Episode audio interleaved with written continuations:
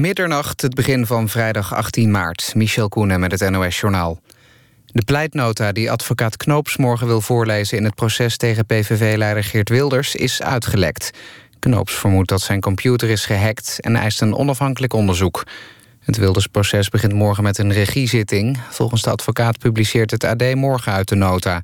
Hij zegt dat Wilders ondaan is en ernstig geschokt...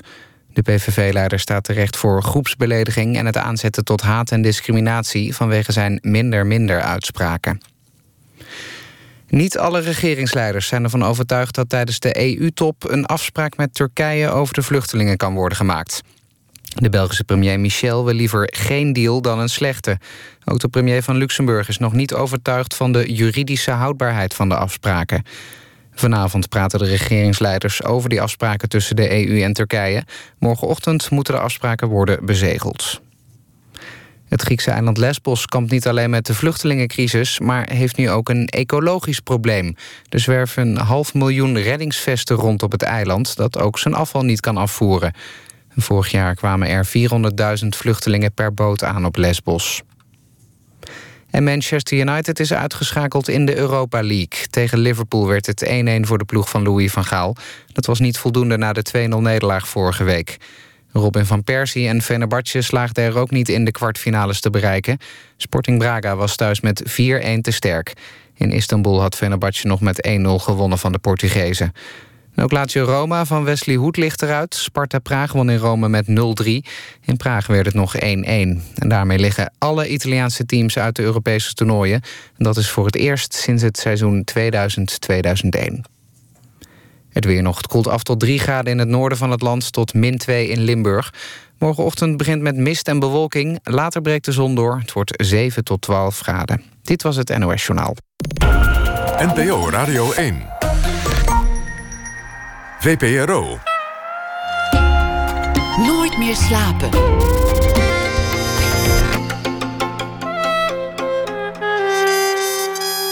Met Pieter van der Wielen. Goedenacht en welkom bij Nooit meer slapen. Parijs, de stad van cultuur, liefde, haute cuisine, maar ook van brandende auto's en kalasjnikovs. Frankrijk, het mooie vakantieland, maar ook het land dat wordt gezien als een land in achterstand. Wilfred de Bruin woont al twaalf jaar in Parijs. Hij leerde de minder vrolijke kant van de stad kennen toen hij op straat in elkaar werd geslagen vanwege zijn geaardheid.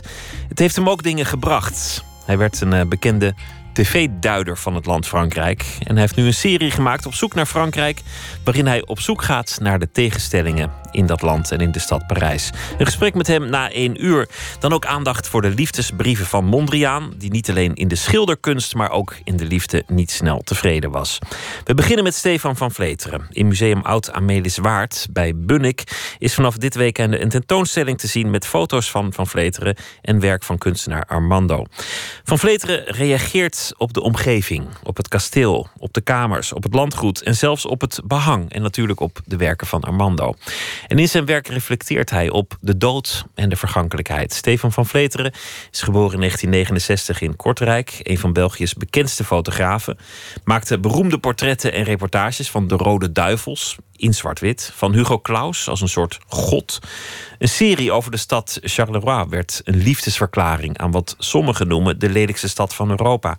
En in Afrika legde hij mensen af vast met verminkingen in het gezicht. Tumoren zo groot als watermeloenen. Want zij van Vleteren, zo ziet armoede er werkelijk uit. Stefan van Vleteren, welkom. Goedenavond. Zit vaak in je werk een, een, een sombere kant ook? Iemand die, die, die niet alleen de, de vrolijkheid ziet en, en, en de lach, maar toch ook een zekere aantrekking tot het, tot het duistere. Is dat gewoon fotografisch, omdat het een mooi beeld is? Of ligt het aan, aan jouw voorkeur voor afdrukken, of is het iets in je karakter? Uh, ik denk dat het tweede is natuurlijk. Uh, ik denk dat die, die, die fascinatie uh, voor de donkerte en, en de duister, maar ook de sombere kant en vooral de melancholie, want dat, dat, dat is eigenlijk het woord dat ik het liefst van al hoort voor, voor het omschrijven, het, het, het rare gevoel dat ik altijd in me had. Maar ja, het voordeel is dat ik met dit vreemd gevoel eigenlijk door mijn werk eigenlijk een soort van ventieltje heb, waardoor dat ik die duisterheid in mijn leven en in mijn hoofd kan wegkrijgen, waardoor ik een vrij normaal leven kan leiden eigenlijk. Dus die, die, uh, ik heb wel vrolijkheid en dat zit ook af en toe in mijn werk, maar ik kan heel veel uh, donkerte in mijn werk kwijt, waardoor ik eigenlijk een heel plezierig leven heb. Als je niet zou fotograferen, zou de melancholie een ander kanaal zoeken en misschien je bestaan overheersen. Ja, maar er zijn weinig kanalen om de melancholie te laten verdrijven. Ik bedoel, er is, er is natuurlijk de fotografie, er is film, er is, er is poëzie, er is literatuur, er is muziek.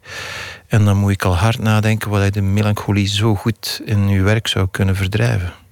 Wat is melancholie?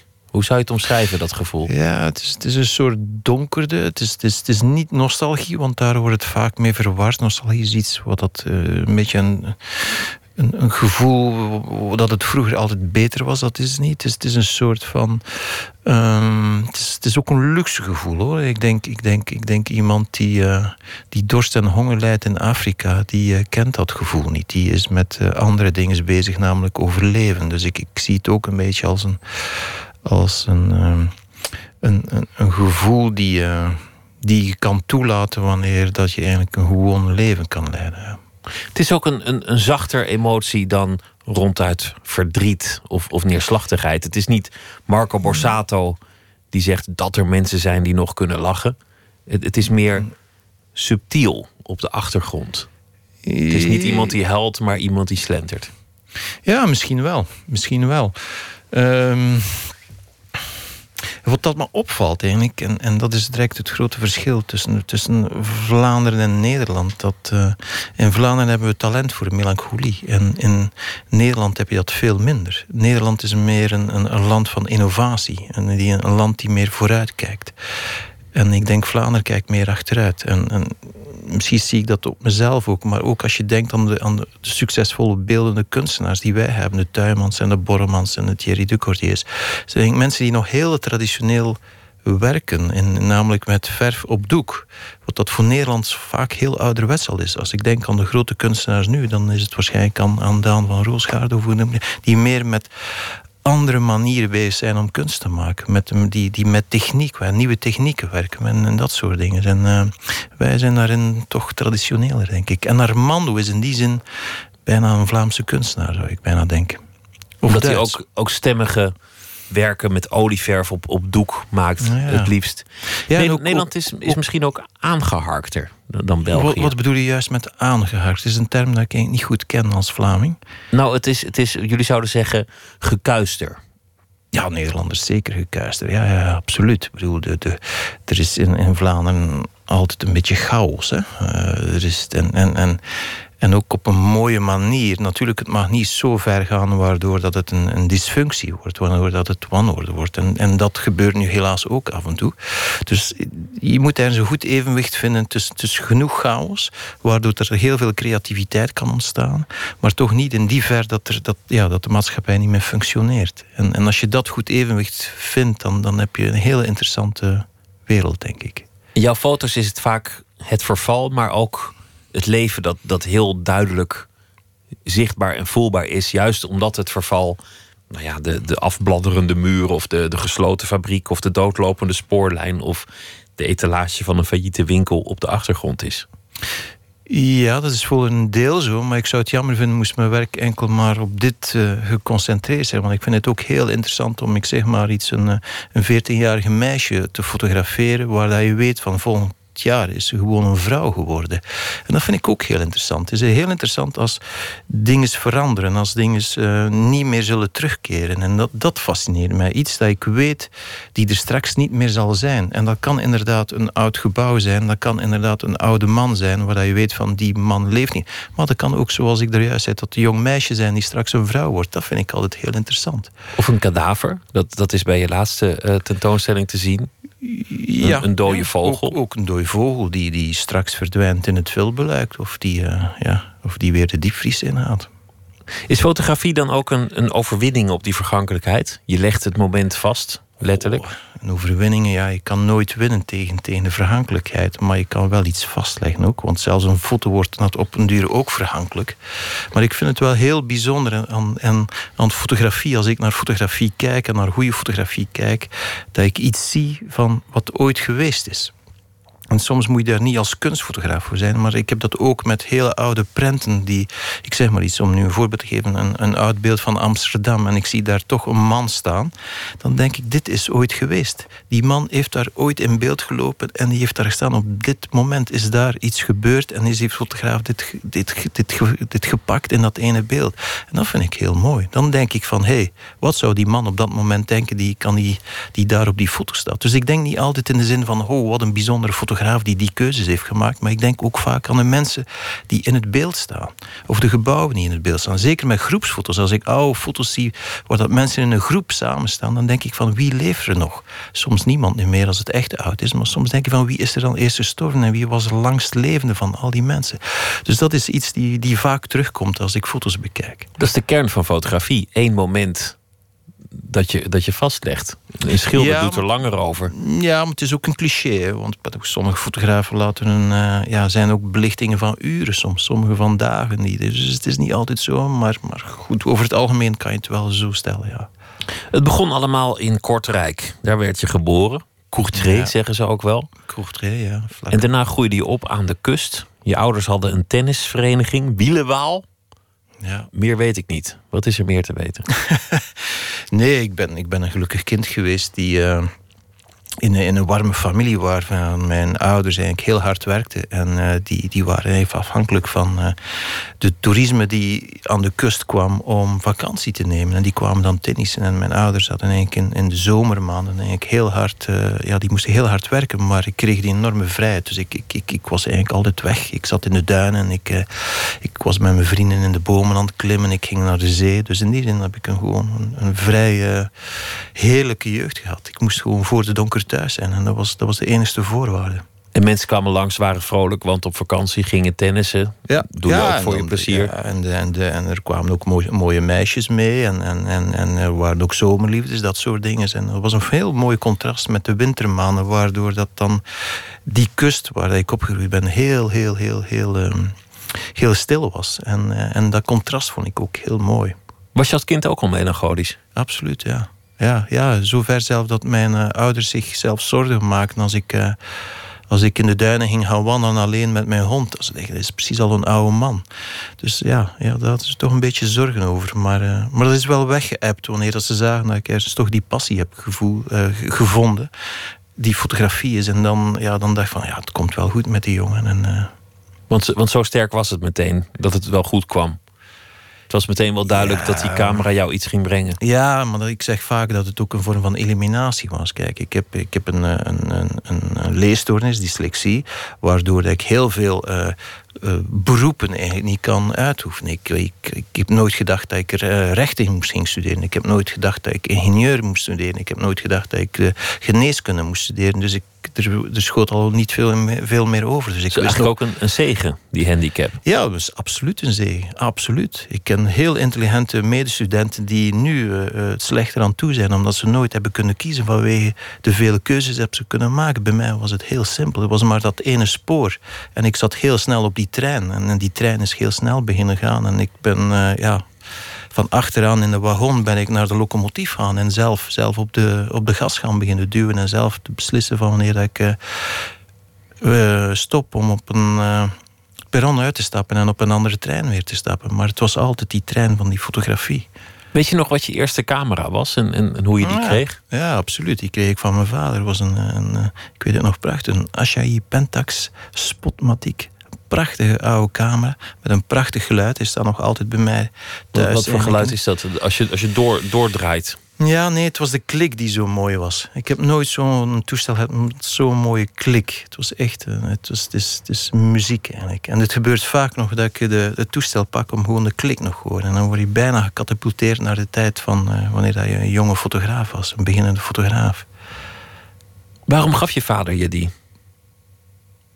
Ja, omdat die... Uh, ja, ja, ik weet het. Misschien nam ik de camera. Ik weet het, toen die camera was daar mijn vader fotografeerde. En uh, ja, die lag daar en ik, ja, ik werd benieuwd op dat ding. En uh, ja, het was een mooie manier om, om mijn wereld ook te fotograferen. Want uiteindelijk ging ik ook met die camera in de duinen gaan fotograferen. En de duinen is iets heel mooi om te fotograferen. Omdat, uh, ja, dat gaf mij één veel rust, maar het, is, het heeft enorm met vormen te maken. En, en het licht die danst op, op, op het zand en, en op, de, op hoe dat de duinen door de wind soms gevormd werden. Dat was eigenlijk een heel goede leerschool.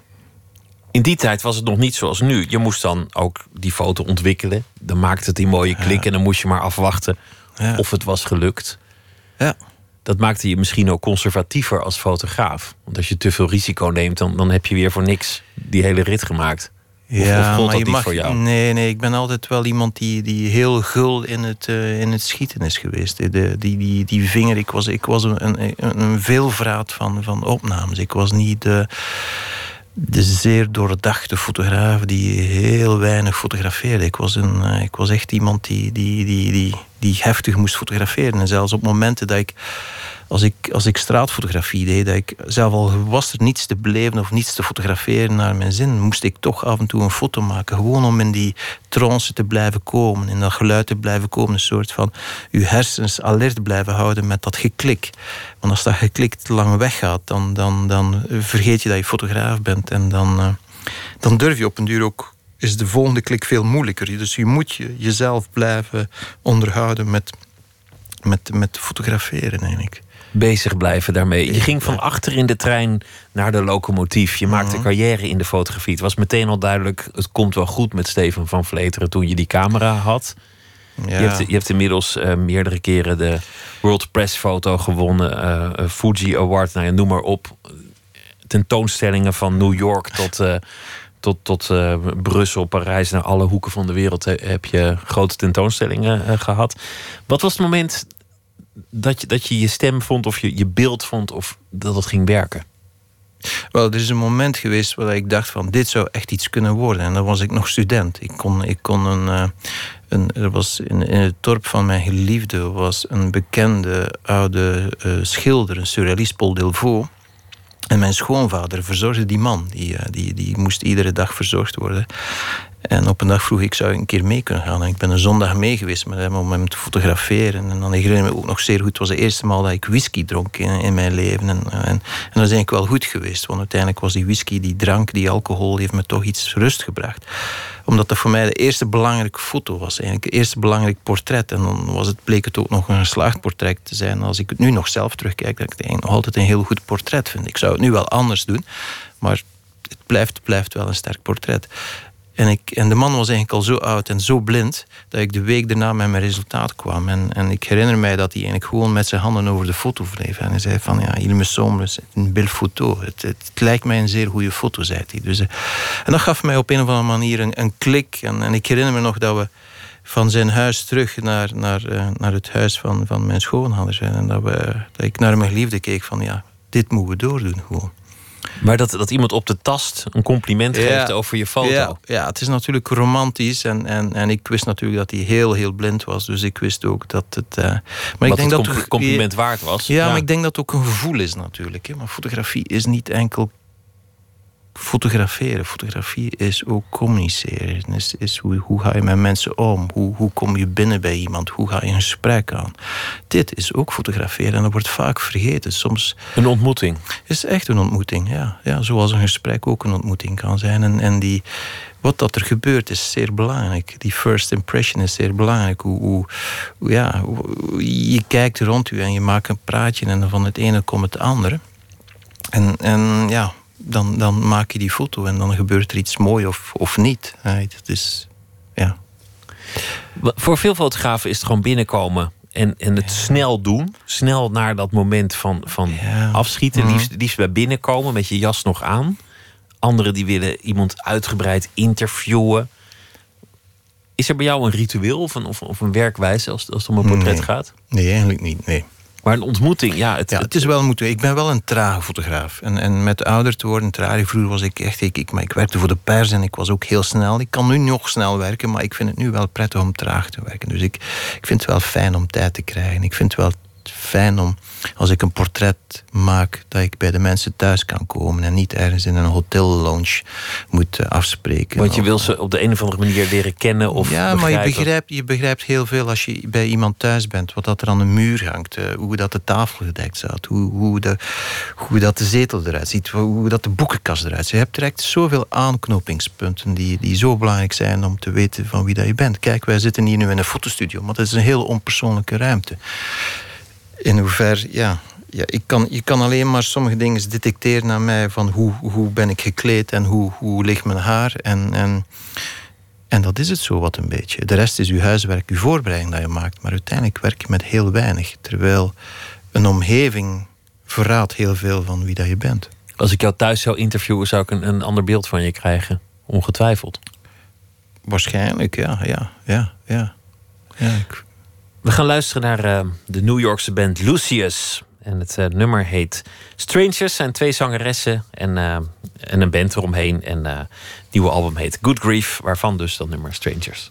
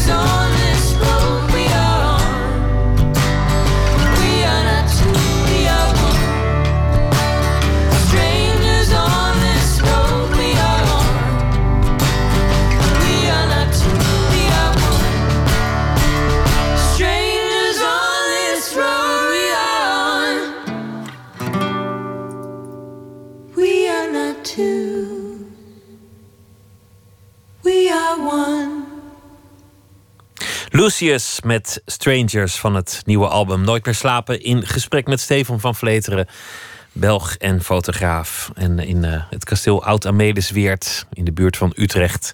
Daar is een uh, tentoonstelling te zien. Die gaat uh, dit weekende open. Ik ben vanmiddag bezig kijken. Ze vroegen je aanvankelijk: wil jij iets maken? Wil je hier iets ophangen in deze prachtige omgeving?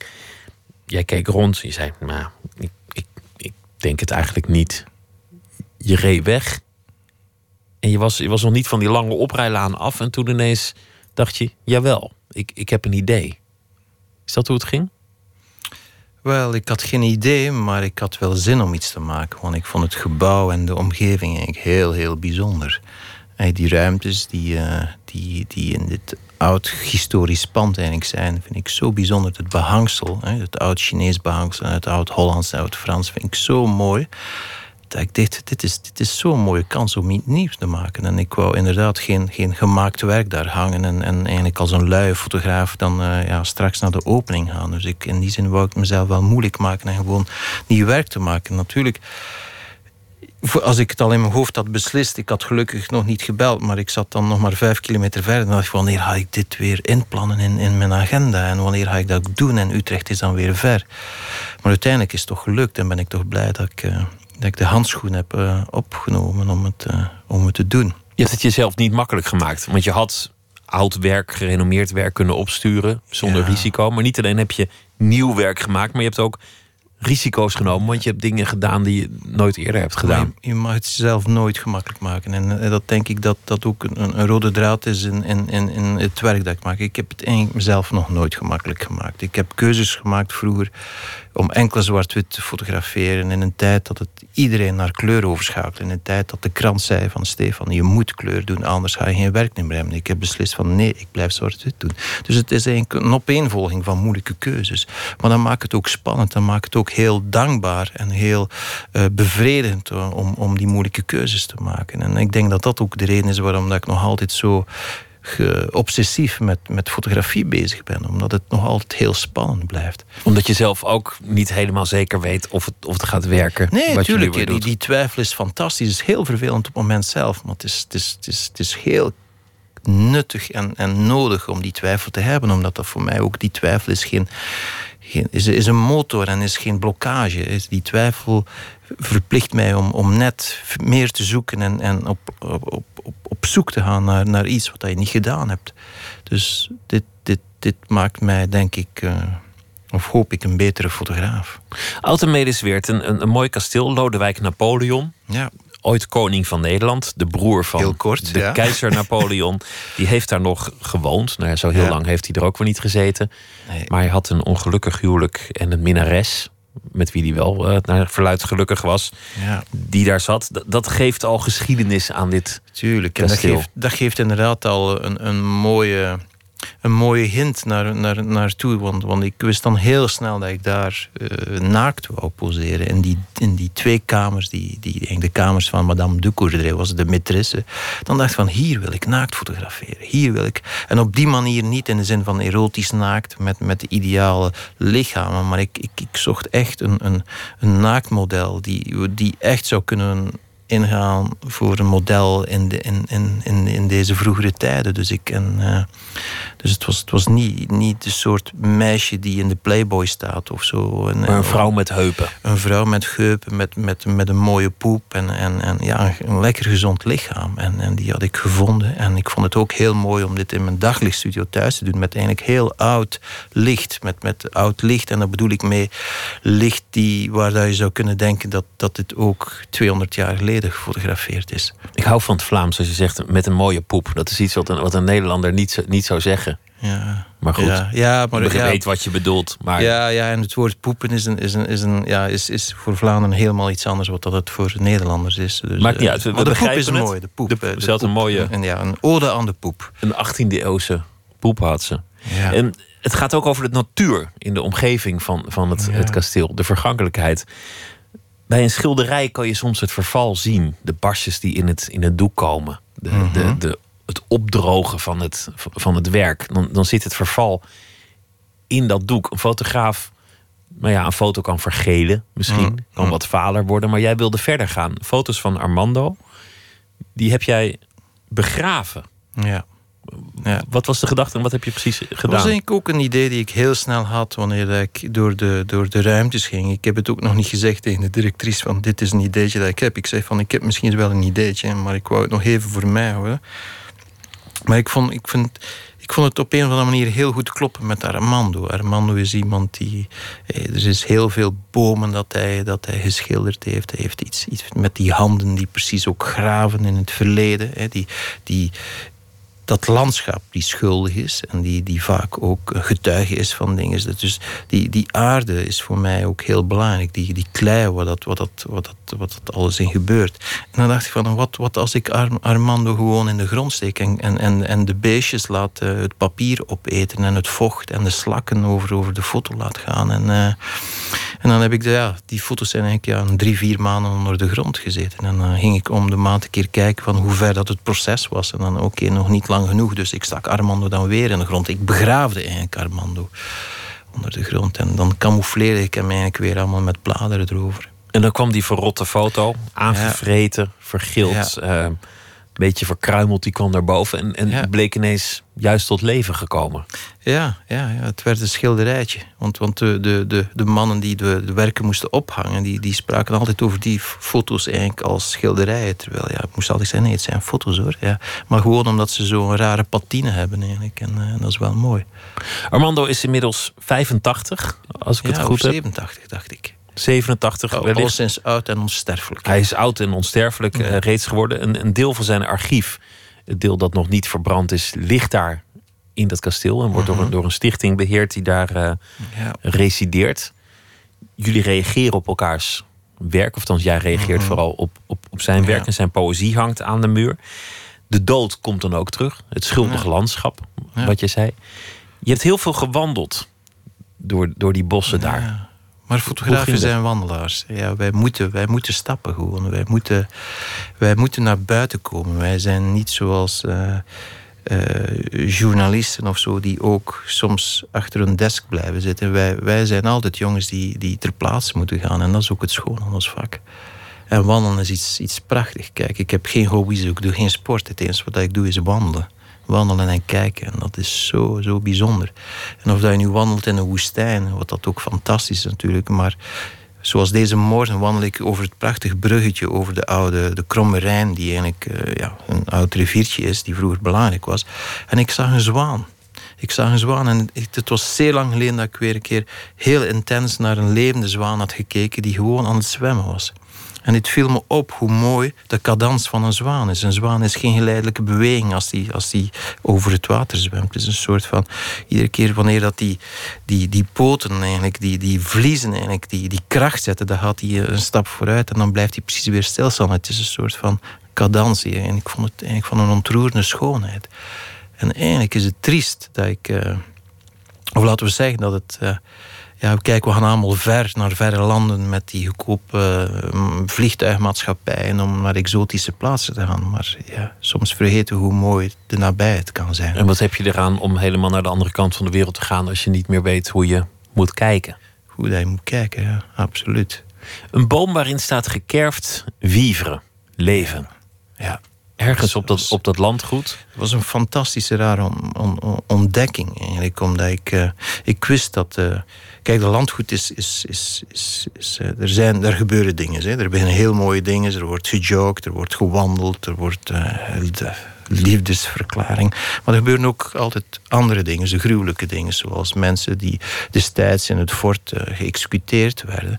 Maar ik had ook het verhaal gehoord van iemand die zich verhangen had in het bos. En ik vroeg naar de plaats, van waar, waar heeft die persoon zich opgehangen? En uh, iemand had me de plaats op een plan aangeduid. Dus ik ging in die ochtend naar die plaats. En net voordat ik voor die plaats kwam, of op weg was naar die plaats, kwam ik plots een boom tegen waar dat er viever in gekast stond. Maar op, op een, ja, dat vond ik zo'n uh, confronterende boodschap. Terwijl ik eigenlijk naar de, naar de plaats van de dood was geweest. Naar een plaats geweest waar dat de mens beslist had, hier maak ik een einde van aan mijn leven gewoon. Een heel, heel, heel ingrijpende en, en fatale beslissing. Aan een soortgelijke boom. Ja, en dan kom je zo'n boom tegen met fieberen. En dan denk je van, jezus, wat, wat, wat... Ja, is een soort van raar teken dat je krijgt. En ik, ik bedoel niet met superstitious of zo, maar, maar het zijn wel heel mooie signalen dat je krijgt.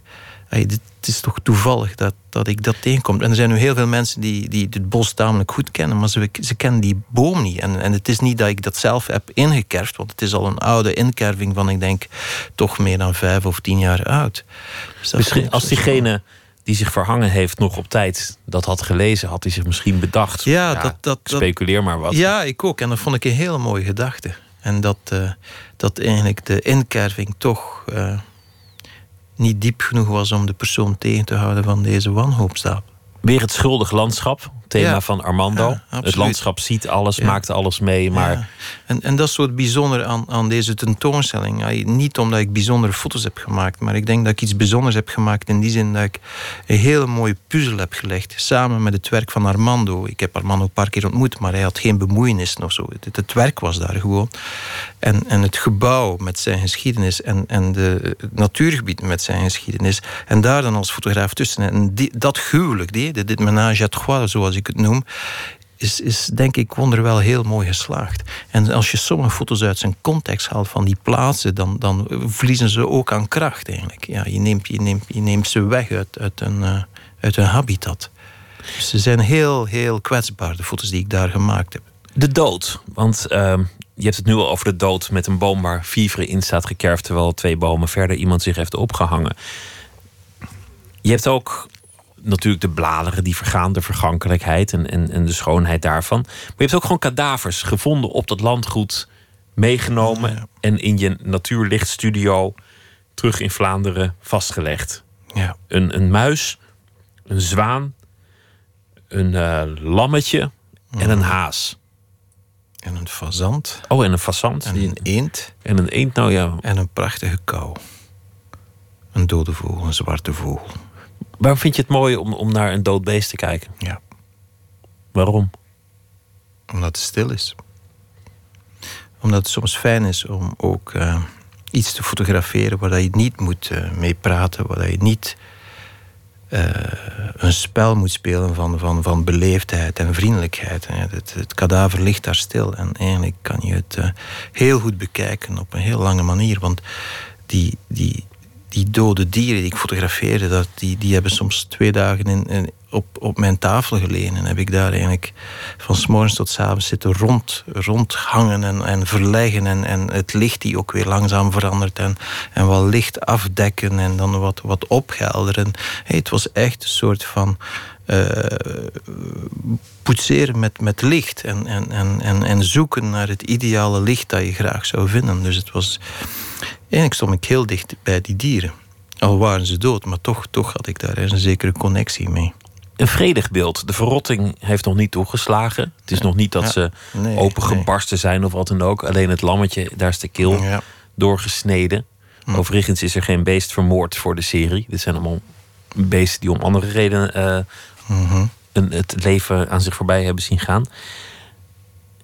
Dan kijk je naar, naar de dood op een, op een heel rustig moment. Als een soort vredig moment. Had je, had je ook gedachten over sterfelijkheid? Toen je die foto's ja, maakte? natuurlijk. Het is een soort van eh, memento mori. Hè? Een soort, door naar dode beesten te kijken, of naar dode dingen te bekijken, heb je een beter besef van je eigen sterfelijkheid. Hè? Dat is ook een, een traditie in de oude schilderkunst die, die dit, eh, die dit eh, wou doen beseffen. Eigenlijk. En, en, en die gedachte heb ik eigenlijk ook gevoeld. Maar ik vind het prachtig om naar dode dingen te kijken. En, en ik vind het ook heel bijzonder. Bijvoorbeeld, ik heb ook vaak dode mensen gefotografeerd. In die zin met samenspraak met de familie en soms met de, de dode man zelf, wanneer dat hij nog leefde natuurlijk. En, en het is ook een traditie die we kwijt zijn geraakt. Kijk, in de jaren 50 werd er in Vlaanderen, ik weet niet of dat in Nederland nog zo was, maar in Vlaanderen was er gewoon een gewoonte om, als uw grootvader, grootvader stierf, dat er een foto in de kist werd gemaakt. Ik heb foto's van mijn grootvader in de kist en dat is heel snel plotseling verdwenen. Het is een soort van taboe geweest. De dood is plotseling een taboe. We zitten in een maatschappij die zo veilig is geworden, en God zij dank, maar waardoor dat we heel moeilijk met de dood kunnen omgaan.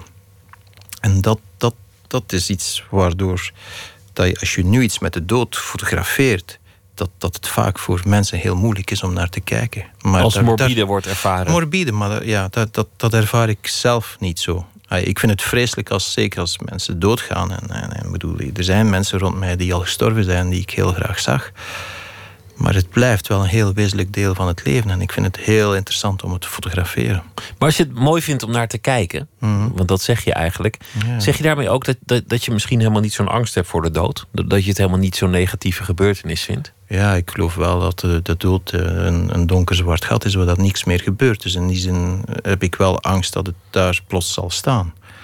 Maar het feit dat ik dat besef, dat doodsbesef, die ik al van jongs af aan heb en die eigenlijk maar aangewakkerd is geweest door mijn werk, door, door de confrontaties dat ik ook vroeger als persfotograaf had in, in conflictgebieden, waar ik mensen heb zien sterven of lijken heb gezien. En, en helaas soms bij, bij, uh, bij hopen als ik denk aan de genocide van, uh, van Rwanda. Dus dat is, dat is alleen maar versterkt. Maar dat is ook voor mij weer die kracht geworden. Hè. Zoals twijfel een kracht wordt, is, is dat doodsbesef. En die fragiliteit van het leven, dat besef is, is voor mij een reden om heel hard uh, uh, te leven en, en te werken en, en te doen wat ik heel graag doe. Dit is ook wat, wat hoort bij een, bij een boswandeling. Het dode beest aan de ene kant en, en de, de lokroep van het vogeltje aan de andere kant. Dat zit ook in die tentoonstelling. Aan de ene kant mm -hmm. het verval, de sterfelijkheid. Aan de andere kant een mooie naakte vrouw gefotografeerd ja. in het bos. Dat zou makkelijk een cliché kunnen worden. Een naakte vrouw in het, in het bos. Ja. Iets wat vaker is gedaan. Zeker. In dit geval is het het licht dat, dat, dat de boel oplost. En het was volgens mij koud, want de haartjes op haar, op haar armen Ja. die stonden overeind. Ja. En het licht kwam van achter, waardoor het leek alsof ze, alsof ze een soort aureool om haar heen had gekregen. Ja, ja, zo had ik nog nooit bekeken eigenlijk. Ja, ja. Maar het, het, het, het was inderdaad heel koud. En, eh, en het was eigenlijk op een duur niet meer houdbaar voor het, voor, voor, voor het meisje die poseerde. Ehm, maar het is bijzonder om. om eh, een naakt is altijd iets vreemd. zoals de dood ook eigenlijk iets vreemd is. Maar ik denk dat ik het moeilijker soms vind om een naakt te fotograferen. of dat ik de dood moet fotograferen omdat je moet rekening houden met, met de personage. Ik, ik, ik had echt te doen met dat meisje, hè, die het geen, geen professioneel model was. Het was de eerste keer dat ze naakt poseerde. Het was een meisje uit Utrecht, wat ik ook heel fijn vond. Wat ik een, noodzaak vond van iemand van de streek te nemen. Om, om weer die connectie met, met, met uh, het, het, het, museum te maken. Maar ja, naakt staan is, is, is iets heel vreemd. Ah ja, als, als, maar je wilt die, die naaktheid interesseert me niet zoals uh, in de zin van erotiek, maar eigenlijk eerder van puurheid. Want dat is zo mooi als iemand die naakt staat, is daar, daar is niets die, die jou, hoe zou ik zeggen, er is geen kleerkeuze bijvoorbeeld. Het enige wat, dat, wat dat je kan zien is, is de manier hoe dat de schaamhaar geknipt is of geschoren is. En daar kan je dan misschien uit, iets uit. Maar de rest is allemaal zuiver zuiverheid. Ja. Zometeen wil ik het ook met je hebben over uh, een paar reportages die je hebt gemaakt. En over uh, de stad waar je verliefd op bent geworden als enige in Europa, Charleroi. en uh, we gaan eerst luisteren naar een zanger-gitarist uit Amsterdam, Roald van Oosten. Een nieuw album heeft hij uit waarvan we draaien Acceleration.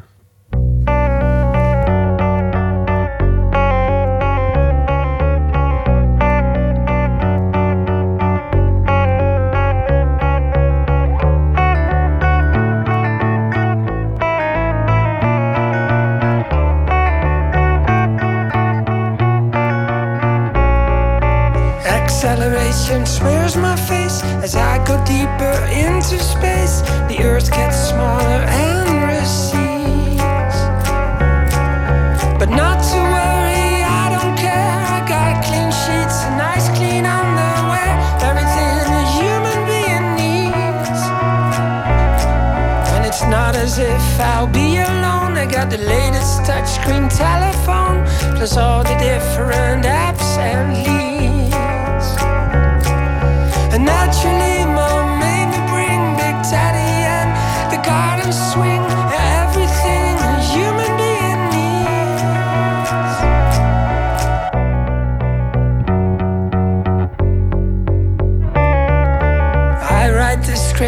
In the stars, key in long rows of storage jars, in which I keep fresh human eggs and seeds.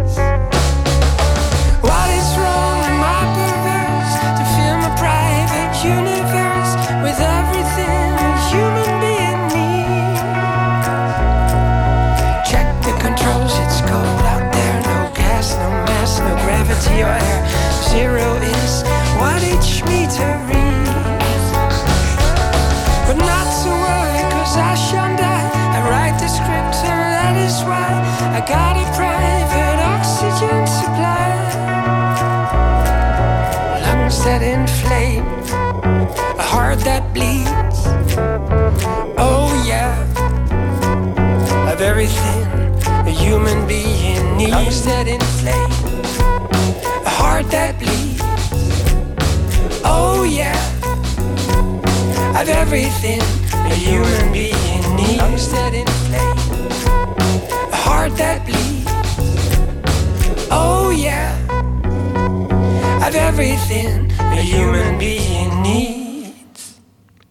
Roald van Oosten, Acceleration. Hij was laatst nog te gast in dit programma. Stefan van Vleteren zit tegenover me. We hebben het over eh, foto's die hij heeft gemaakt.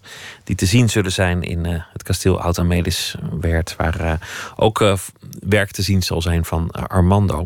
Ik wil het met je hebben over je reportages. Je hebt, eh, je hebt er vele gemaakt. Ehm, onder, onder meer over een, eh, een boot waar mensen werden behandeld in, in Afrika. Een gebied waar je vaak bent geweest. Er is één foto die, die is best beroemd geworden. Je, je hebt er ook wel eens over verteld eh, op televisie bij Wilfried de Jong. Een, een man die binnenkwam met nou ja, een, een misvorming, een uitstulpsel, een vergroeiing, een, een tumor, een gezwel aan zijn, aan zijn gezicht. Nou ja, zo, zo groot als een, eh, als, als een flinke watermeloen, denk ik wel. Helaas wel, ja. En die je recht in de ogen kijkt. Ja. ja, dat was een van de heftigste momenten, denk ik, als, als, ja, in mijn leven eigenlijk. En, en het heftigste was eigenlijk gewoon om de vraag te stellen of dat ik hem mocht fotograferen. Want dat was natuurlijk die, ja, die, die schaamte. En hij had, hij had dat doekje voor zijn gezicht, waar hij enkel zijn ogen zag. En je, je zag, zoals bij eigenlijk de film van David Lynch, The Elephant Man, dat daar iets onder zit. En, en ja, dan wil je toch weten, wat zou daar nu onder zitten? En ik had eh, toch ergens ja, de kracht gevonden om die vraag te stellen. Want de meeste mensen kijken weg. De meeste mensen kijken niet naar die man, waarschijnlijk. Ja, tuurlijk, ja. ja, ja. Wat ik begrijp, want, eh, want ik bedoel, het was heel heftig. Ik bedoel, wanneer dat de man toch beslist van... oké, ik, wil, ik wil het tonen voor jou. Hè, en, en, eh, ja, en dan had het toekie, dan is het wel een slag in je gezicht dat je, dat je, dat je krijgt. Ja, ja. ja, want... Kijk, je, kan, je kan ja, zo, zo, zo'n tumor. Kijk, mijn vader is gestorven van tumor. En ik heb vaak gefantaseerd van hoe ziet zo'n zo'n ding er nu eigenlijk uit? Hè? Wat is dat gruwelijk beest die ergens in iemands hoofd kruipt?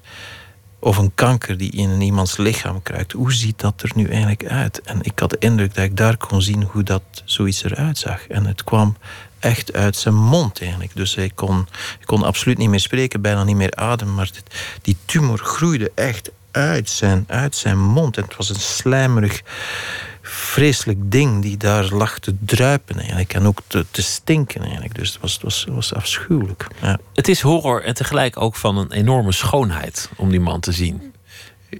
Ja, schoonheid vind ik een lastig om het zo te noemen.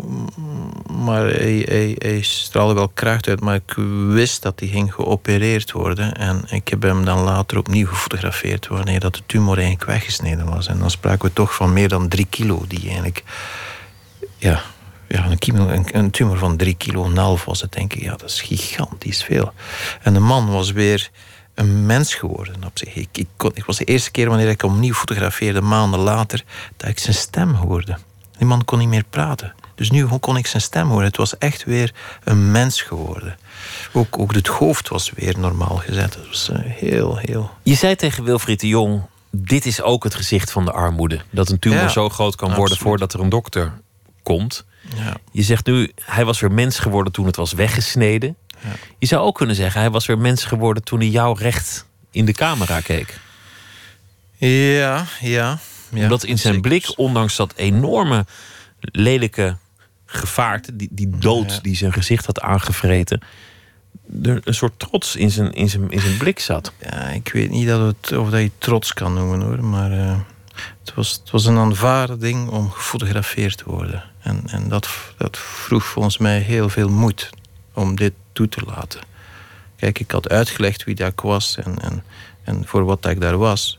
Je kan ook afvragen, ja, hoe, hoe, je kan niet altijd alles vatten als een vreemde man van een ander land met een andere huidskleur. Maar toch, ik denk dat hij wel begreep wat dat hij toeliet. Maar dat, dat is waarschijnlijk de kracht van die foto. Van, ja, ik weet dat ik eruit ziet als een monster. Maar ik kijk u toch recht in de ogen. Dat, dat was het een beetje. Dat maakt ook dat jij op dat moment als fotograaf soort van geëngageerd bent. Dat, dat je niet alleen maar iemand bent die, die iets vraagt en, en daar scène voor heeft, maar je laat ook iets zien aan de wereld dat, dat ze anders niet zouden ja, zien. Ja, ja, ja dus ik, ik denk dat ik verschillende registers in mijn werk heb. En, en, en, en, en af en toe is het engagement heel groot. En af en toe kies ik echt voor mijn eigen uh, artistiek egoïsme. Ah, ik vind het ook fantastisch om een golf in een zee te fotograferen. Dat pure esthetiek is, maar die mij veel, veel waarde en, en, en plezier geeft om dat te fotograferen. Maar af en toe is het ook goed dat ik inderdaad de gruwel ga fotograferen, die, ja, zoals je daar juist zei, gewoon klassieke doodgewone armoede kan teweegbrengen. Het is, het is, uh, dus die, die, die, die verschillende punten heb ik wel nodig om, om te kunnen. Uh, kunnen functioneren. En vaak denk ik van wat dat, als men vraagt wat is eigenlijk uw geheim om, zo hard te kunnen werken en door te doen. En ik denk van ja, ik denk dat ik gewoon genoeg variatie in mijn leven steek en, in, en, en daardoor in mijn fotografie steek. Ik kan me echt helemaal verliezen in verschillende dingen en met zoveel overtuiging doen. Of dat het nu een stad zoals Charleroi is, of die Atlantic Wall, of façades en vitrines dat ik fotografeerde, of een portret van een bekende persoon. Maar ik vind het ook heel fijn om na ik zeg maar iets, vier bekende mensen te fotograferen in, in één week. Om dan de, de week daarna gewoon ergens in een mistig weiland te staan. Om een dood schaap of een, of een, of een, of een overvliegend koolmeisje te fotograferen. Dat om het jezelf spannend te maken en, en ook die, die verslaving aan, aan dat fotograferen. Atlantic Wall heb je gedaan, de, de muur die mhm. Hitler heeft gebouwd om, om die day tegen te, te houden.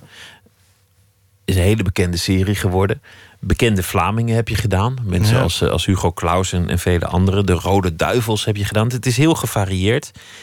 Ik wil het hebben over uh, waar we het eigenlijk al een beetje over hadden.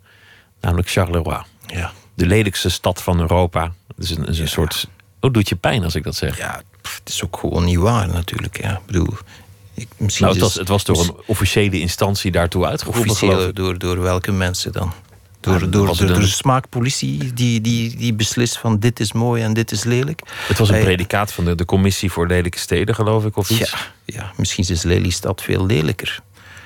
Misschien is het properder, maar misschien is het lelijk. Ja. En ik, ik beweer niet dat Charleroi het paradijs is. Charleroi is een stad met gigantische problemen, met gigantische armoede, met heel veel verloedering. Maar de kracht en de schoonheid van de stad kan ook zijn de mensen die er wonen en, en de veerkracht van die mensen.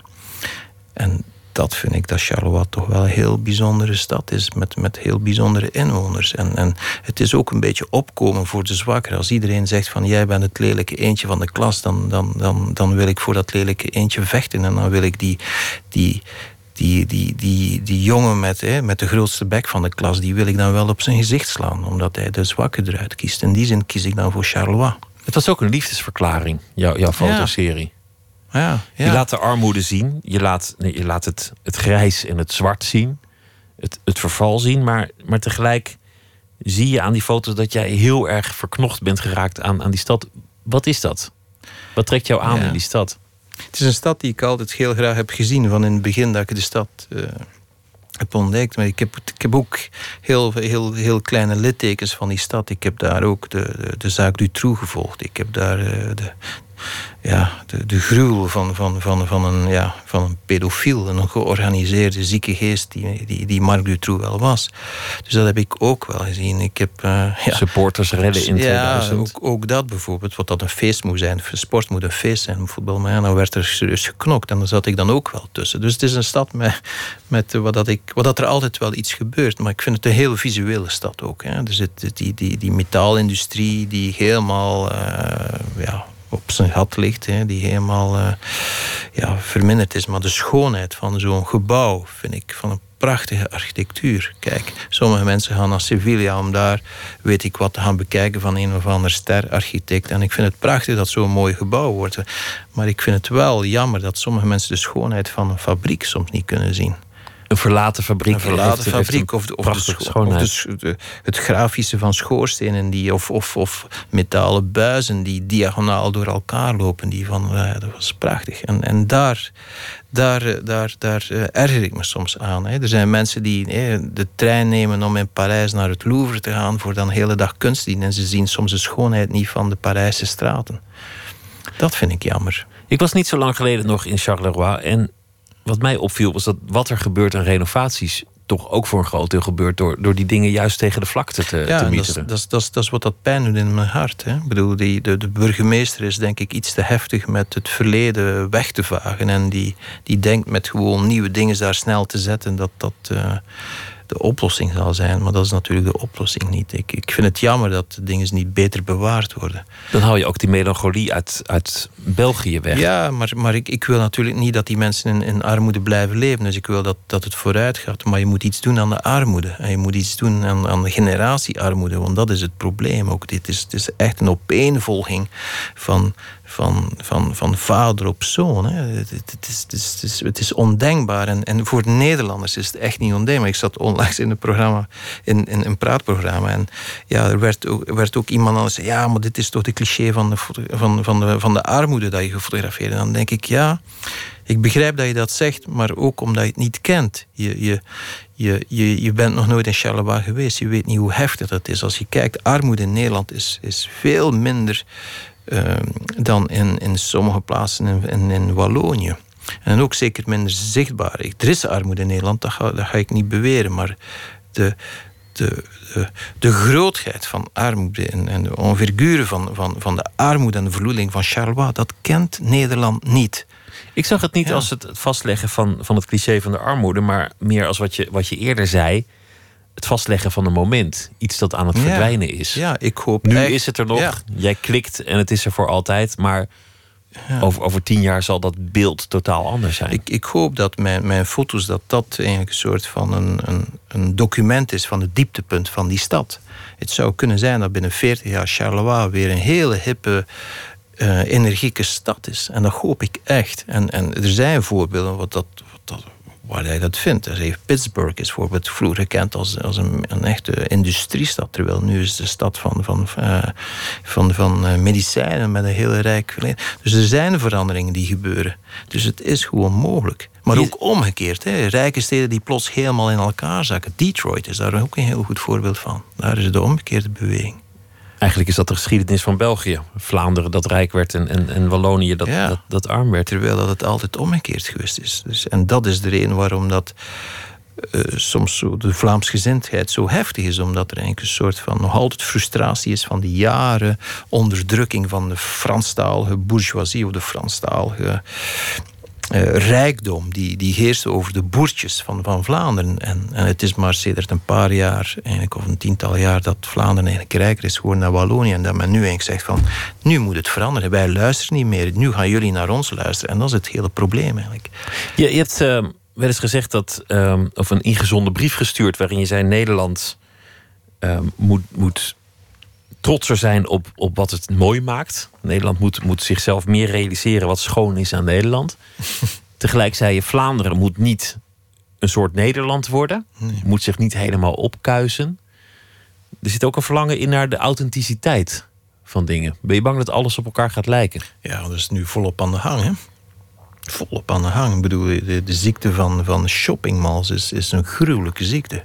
De impact daarvan op onze esthetiek, op onze, op onze geest is, is van, van gruwelijk, gruwelijk, gruwelijk. Uh, dit, dit, dit, is, uh, dit is bijna, ik durf het bijna misdadig noemen.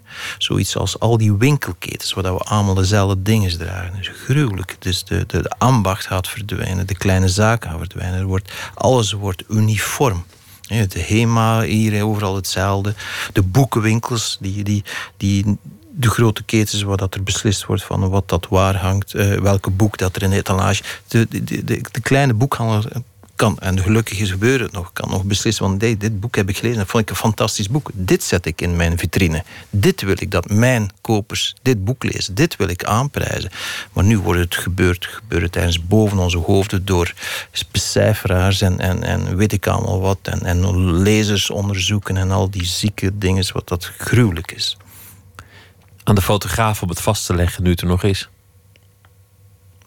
Ja, dat, dat de verscheidenheid. Ja, ja, ja. Ik bedoel, Façade en Vitrine was een, was een hele reeks over, over de, ja, de, de, de familiezaken van, van kleine winkeltjes en cafés die, die op hun manier een, iedereen een eigen stijl hebben. Dat was eigenlijk een soort van eh, laatste, ja, laatste document van, van, van de zaken die dichtgaan. Hè. En de cijfers liegen er niet om. Hè. Vorige week nog in België, de leegstand van de winkels is gigantisch geworden.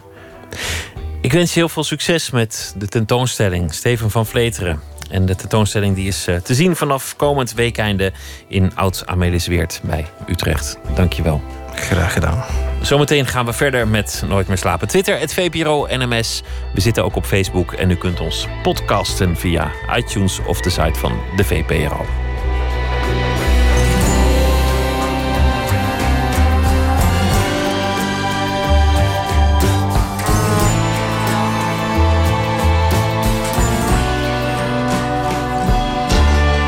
Radio 1, het nieuws van alle kanten.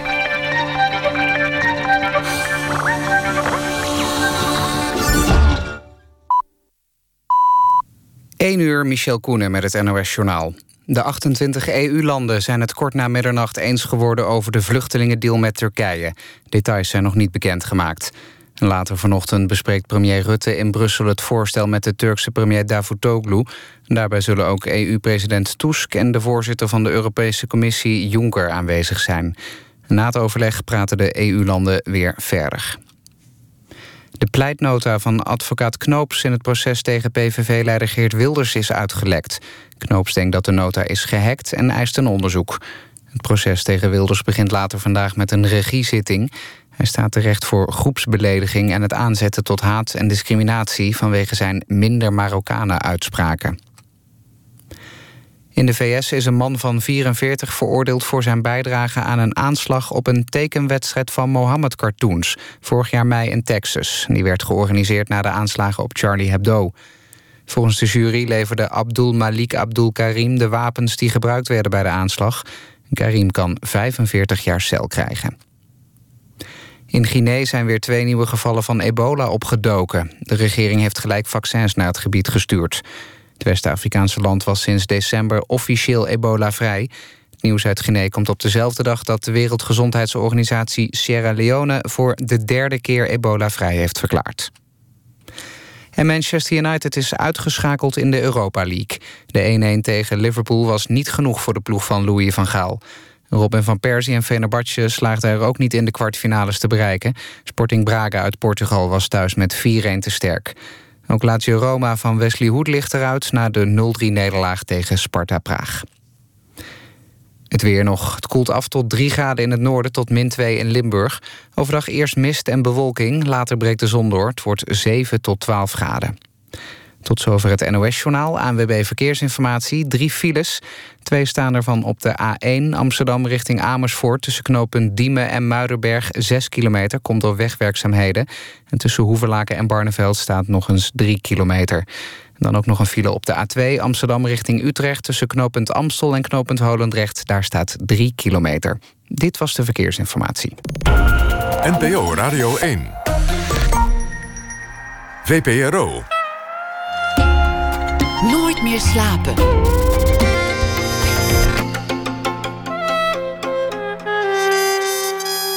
Met Pieter van der Wielen.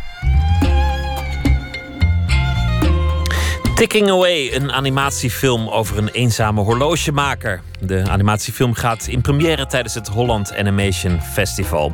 We praten straks met Wilfred de Bruin. Hij is uh, een nieuw gezicht op tv, presentator van een serie Op zoek naar Frankrijk vanaf zondag op televisie. Thomas van Aalten is schrijver en zal deze week elke nacht een verhaal voordragen over de voorbije dag. Thomas van Aalten, goeienacht.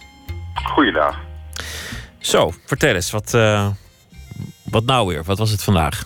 Wat nou weer? Um, nou, ik uh, uh, ga het vanavond hebben over de, de liefdesbrieven... die het uh, Nederlands Instituut voor Kunstgeschiedenis heeft verworven... van Piet Mondriaan aan zijn vriendin Willy Wendholt. Een onderwerp waar we straks nog meer over gaan horen... want nachtcorrespondent Elle van Dalen heeft zich er ook al in verdiept. Kijk. Spreekt ook tot de verbeelding, het moet gezegd. Ja, vooral omdat, nou ja, de, de, associatie die jij waarschijnlijk hebt... als het niet de koffiemok is met het motief... dan is het in elk geval het, de originele schilderijen die je dan voor je ziet. De compositie is vrij rechtlijnig. En het, nou ja, wat het instituut in elk geval nou ja, hiermee laat zien... is dat die, die rechtlijnigheid zie je zelfs tot als een liefdesbrieven terug. Maar ja, dat valt nog niet, nog niet mee. Hè? Hij wijst dan die vriendin min of meer af. En dat doet hij dan ook heel cool en zakelijk. En er was niet genoeg ruimte meer op het papier.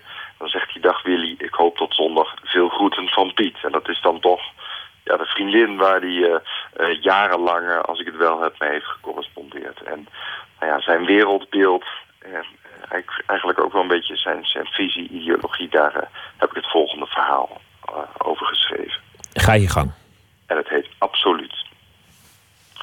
Piet Mondriaan geloofde in absolute liefde. Zoals ook kunst absoluut diende te zijn. Rollen tussen liefdespartners als horizontale en verticale lijnen.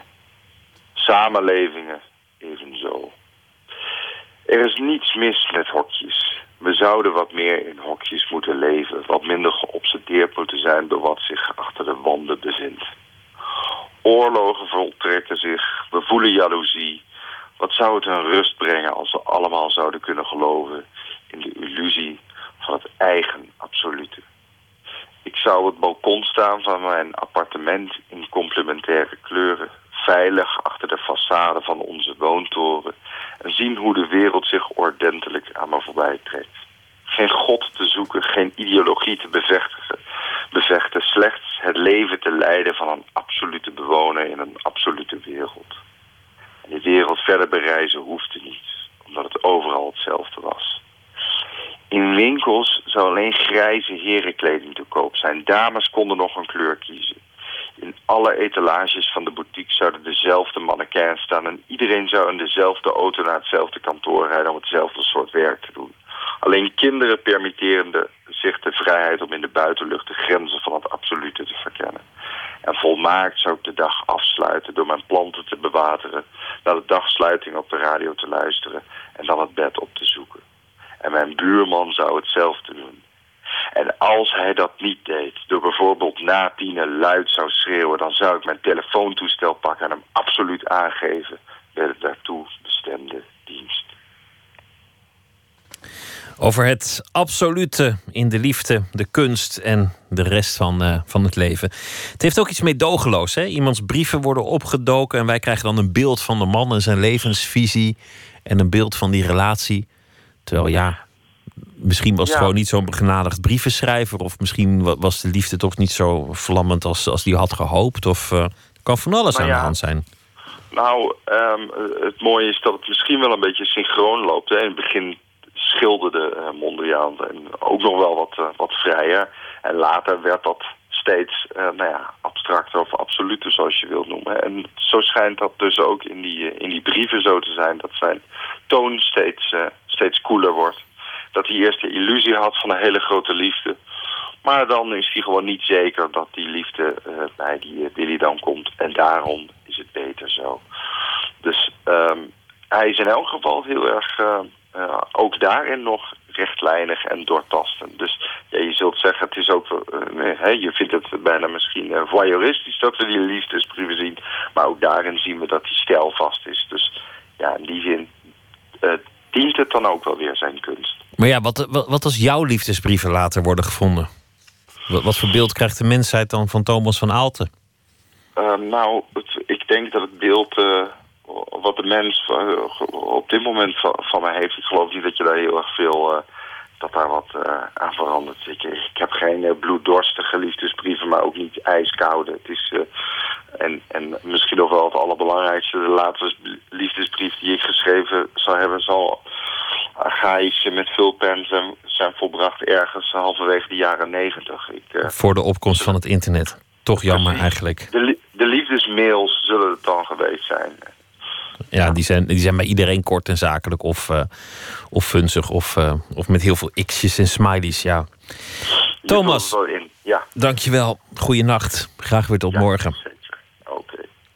Een nieuw album van eh, PJ Harvey is op komst. En er is al meteen ophef. Want een aantal Amerikaanse politici die zijn er boos over. Een lied over de stad Washington, Community of Hope, zou eenzijdig zijn en eh, onnodig kritisch over de wijk Ward 7 al daar. Belachelijk, incompleet en veel te negatief was de kritiek. Maar eh, het gaat om de muziek en we gaan luisteren naar het eh, stuk. PJ Harvey, Community of Hope.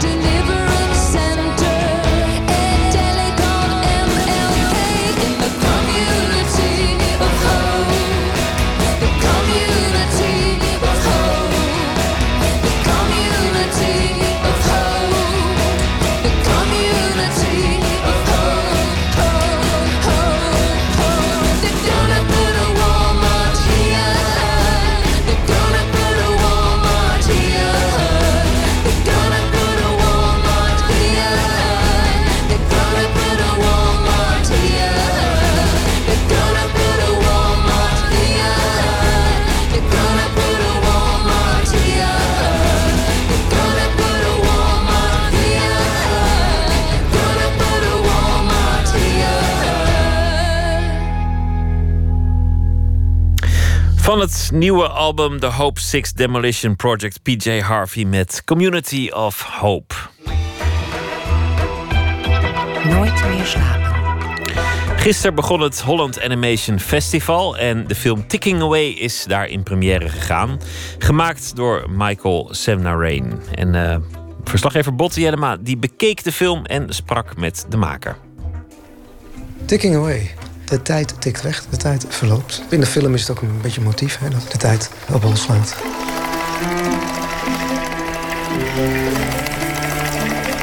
Het gaat over een klokkenmaker, een eenzame man. En hij krijgt op een avond een eigenzinnig klokje te repareren. Nou, het is, hij krijgt een klokje te zien met allemaal visies van de toekomst en van het verleden ziet. En dingen die buiten hem gebeuren, maar ook dingen die gebeurd zijn in zijn eigen leven. En dat is een, een klein avontuurtje van 10 minuten. Ja. ja, effectief geloof ik zelfs 8 minuten, hè? Ja, zou best wel eens kunnen. Ja. Er zit nog een stuk aftiteling bij, met, maar wel met goede muziek. Dus. ja, precies.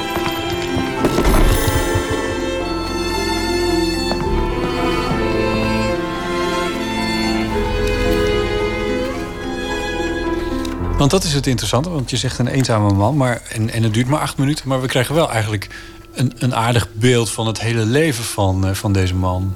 Ja. ja, dat was ook de, een beetje de kunst om dat in die acht minuten te stoppen. Ja. Um, het, verhaal, het idee was aanvankelijk iets van twintig minuten. Waarom moest het acht minuten worden dan? Nou, dit is, dit is een tweede film voor mij. Een tweede korte animatie van ten eerste. Daar krijg je het budget nooit voor bij elkaar. En ja, je moet het ook wel een beetje realistisch houden natuurlijk. Het is, ik was nog steeds bezig geweest als het twintig minuten was geweest. Ja, dat, dat is natuurlijk zo. Je moet ineens. Hoeveel tekeningetjes per seconde gaan er doorheen? Er gaan, uh, normaal gesproken, er zijn in als je naar film kijkt, dan gaan er 24 beeldjes per seconde ja. komen er langs. Ja. En we kunnen het met animatie een beetje trucken door er 12 te gebruiken. Als je minder gebruikt, en dan ziet het er nog steeds vloeiend uit, maar als je minder gebruikt, dan wordt het wat um, hakkerig. Ja. Ja. En, en soms dan moet het gewoon wat sneller en vloeiender. En dan gebruik je meer dan 12 tekeningen per seconde. En dan is het inderdaad wel. Ja. Dus het is een hoop, een hoop tekeningen. Maar er, maar, er zijn alleen maar de tekeningen die je ziet. En daarvoor zijn er nog ruwe tekeningen gemaakt om te kijken of het werkt. De storyboards, de layout tekeningen. Er zitten echt duizenden tekeningen in zo'n film. Ik zou het zeggen. Want dat is dan dus 8 minuten keer 60 seconden keer 12 of soms nog meer beeldjes per seconde. Ja, ik kan het niet eens uitrekenen, maar dat inderdaad duizenden moet het, uh, moet het zijn.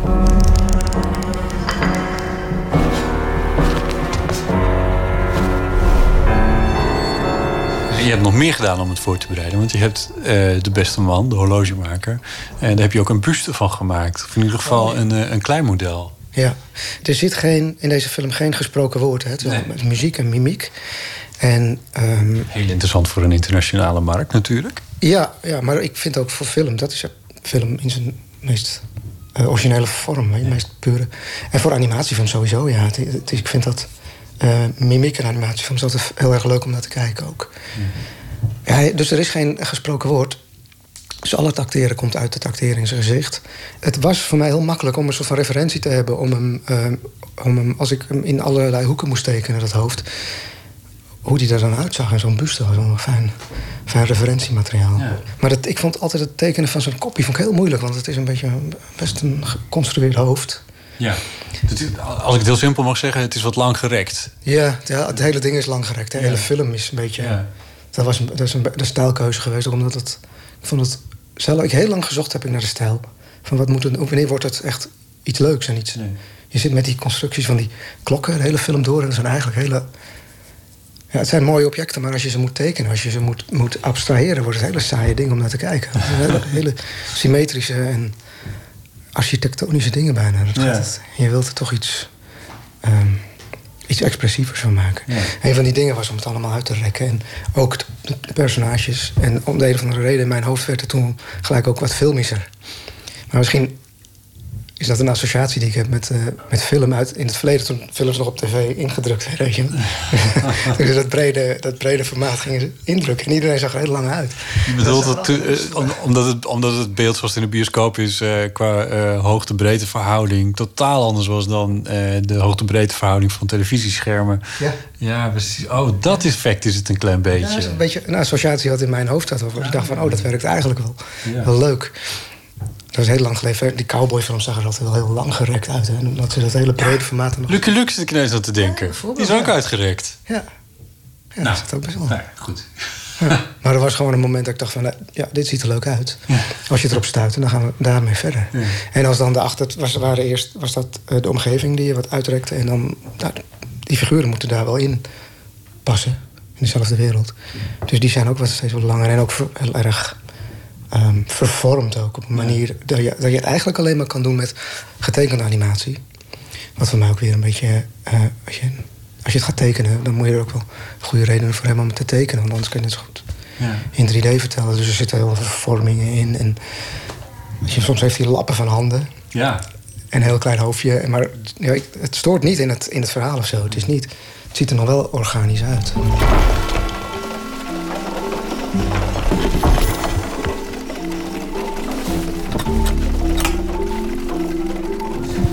Waarom wilde je deze film maken? Waarom wilde je dit verhaal vertellen?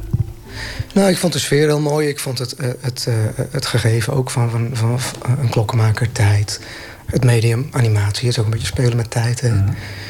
Beeldjes per seconde. Ja, precies. En ehm, je wil natuurlijk naar, eh, naar, naar, dat, naar het gegeven dat mijn vader een klokkenmaker is. Dus Ja. Het kan, ja, ik heb daar nooit... Ik heb daar nooit veel aandacht aan willen geven. Het was inderdaad wel zo. Het is geen autobiografisch verhaal.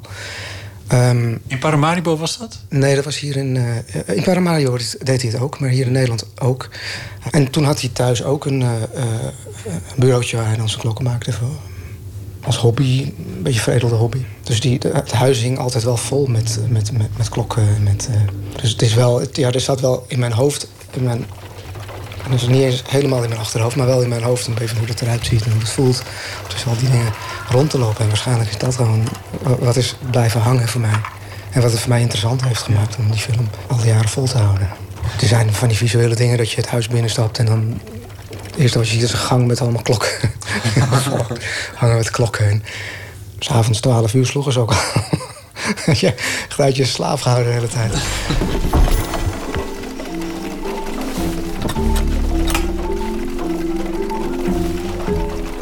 Niet verstandig om je een animatiefilm te maken. Want het is zo ontzettend veel werk. Maar ik kon het ver genoeg brengen om, eh, om, om mensen goed duidelijk te laten maken waar het heen moest. Ik heb het inderdaad eh, als een eenmansstudio voor een groot deel gedaan. ja.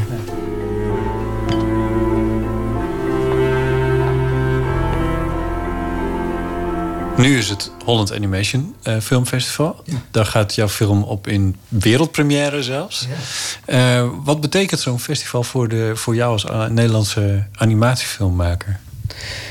Ja, ik vind het heel leuk dat mijn film hier, hier gaat draaien. Er komen toch best een hoop mensen kijken. En als je al die jaren je film hebt, aan die film hebt gewerkt en hij is af, dan wil je toch wel dat mensen hem zien. En dan wil je weten wat mensen ervan vinden. Of het, of het werkt en of het, of het overkomt en of het verhaal interessant genoeg gevonden wordt.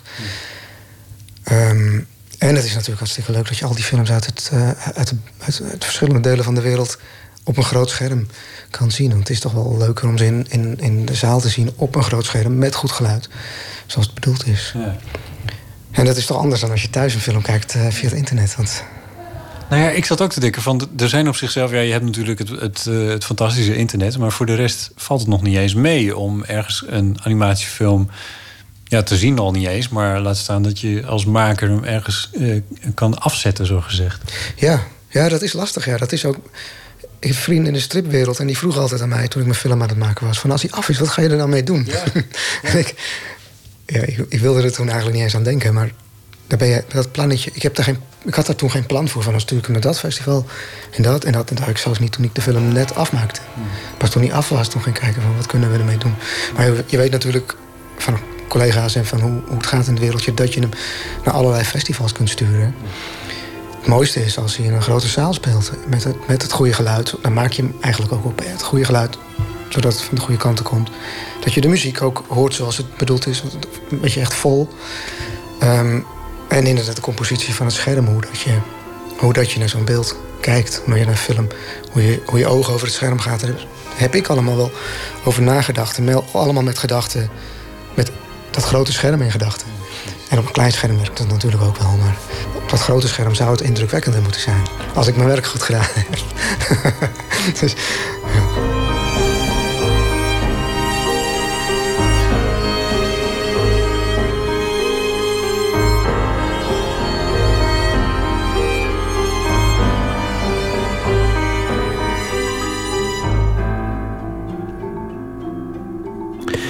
Michael Sunner Rain was dat over zijn animatiefilm Ticking Away. Gisteren de wereldpremière op het Holland Animation Film Festival. Dat festival is nog gaande in Utrecht tot 20 maart.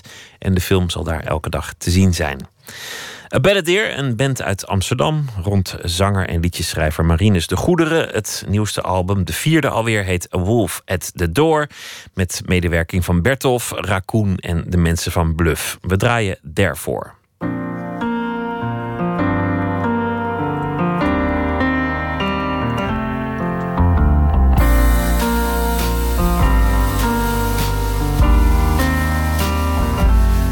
Here I am once again, started anew. And more than before, I do not have a clue. How does one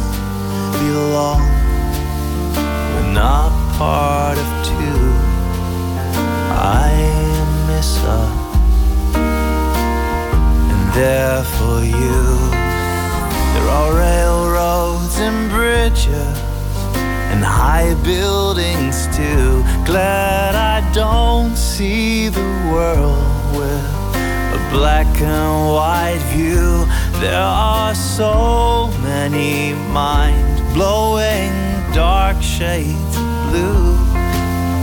I miss us, baby.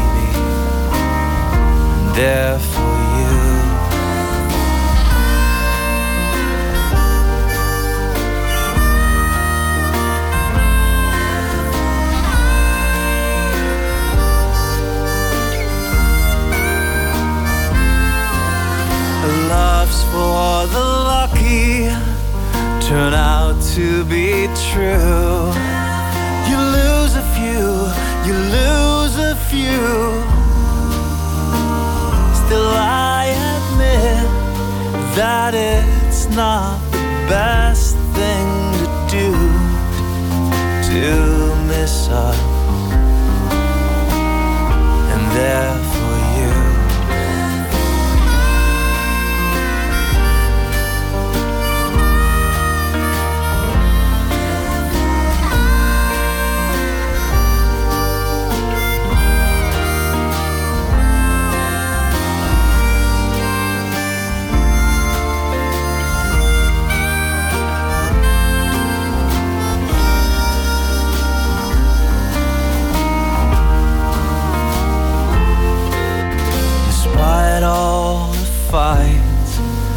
what you've put me through, am I right to say we had our good moments too?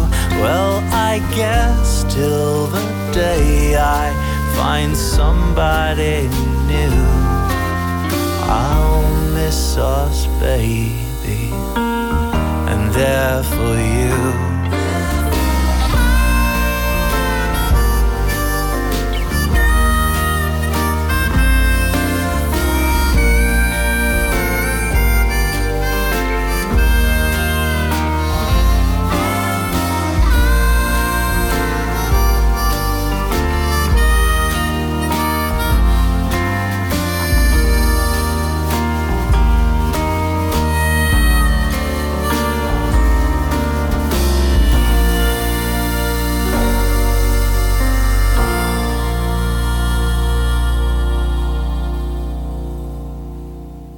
Therefore van de Nederlandse band A Balladeer.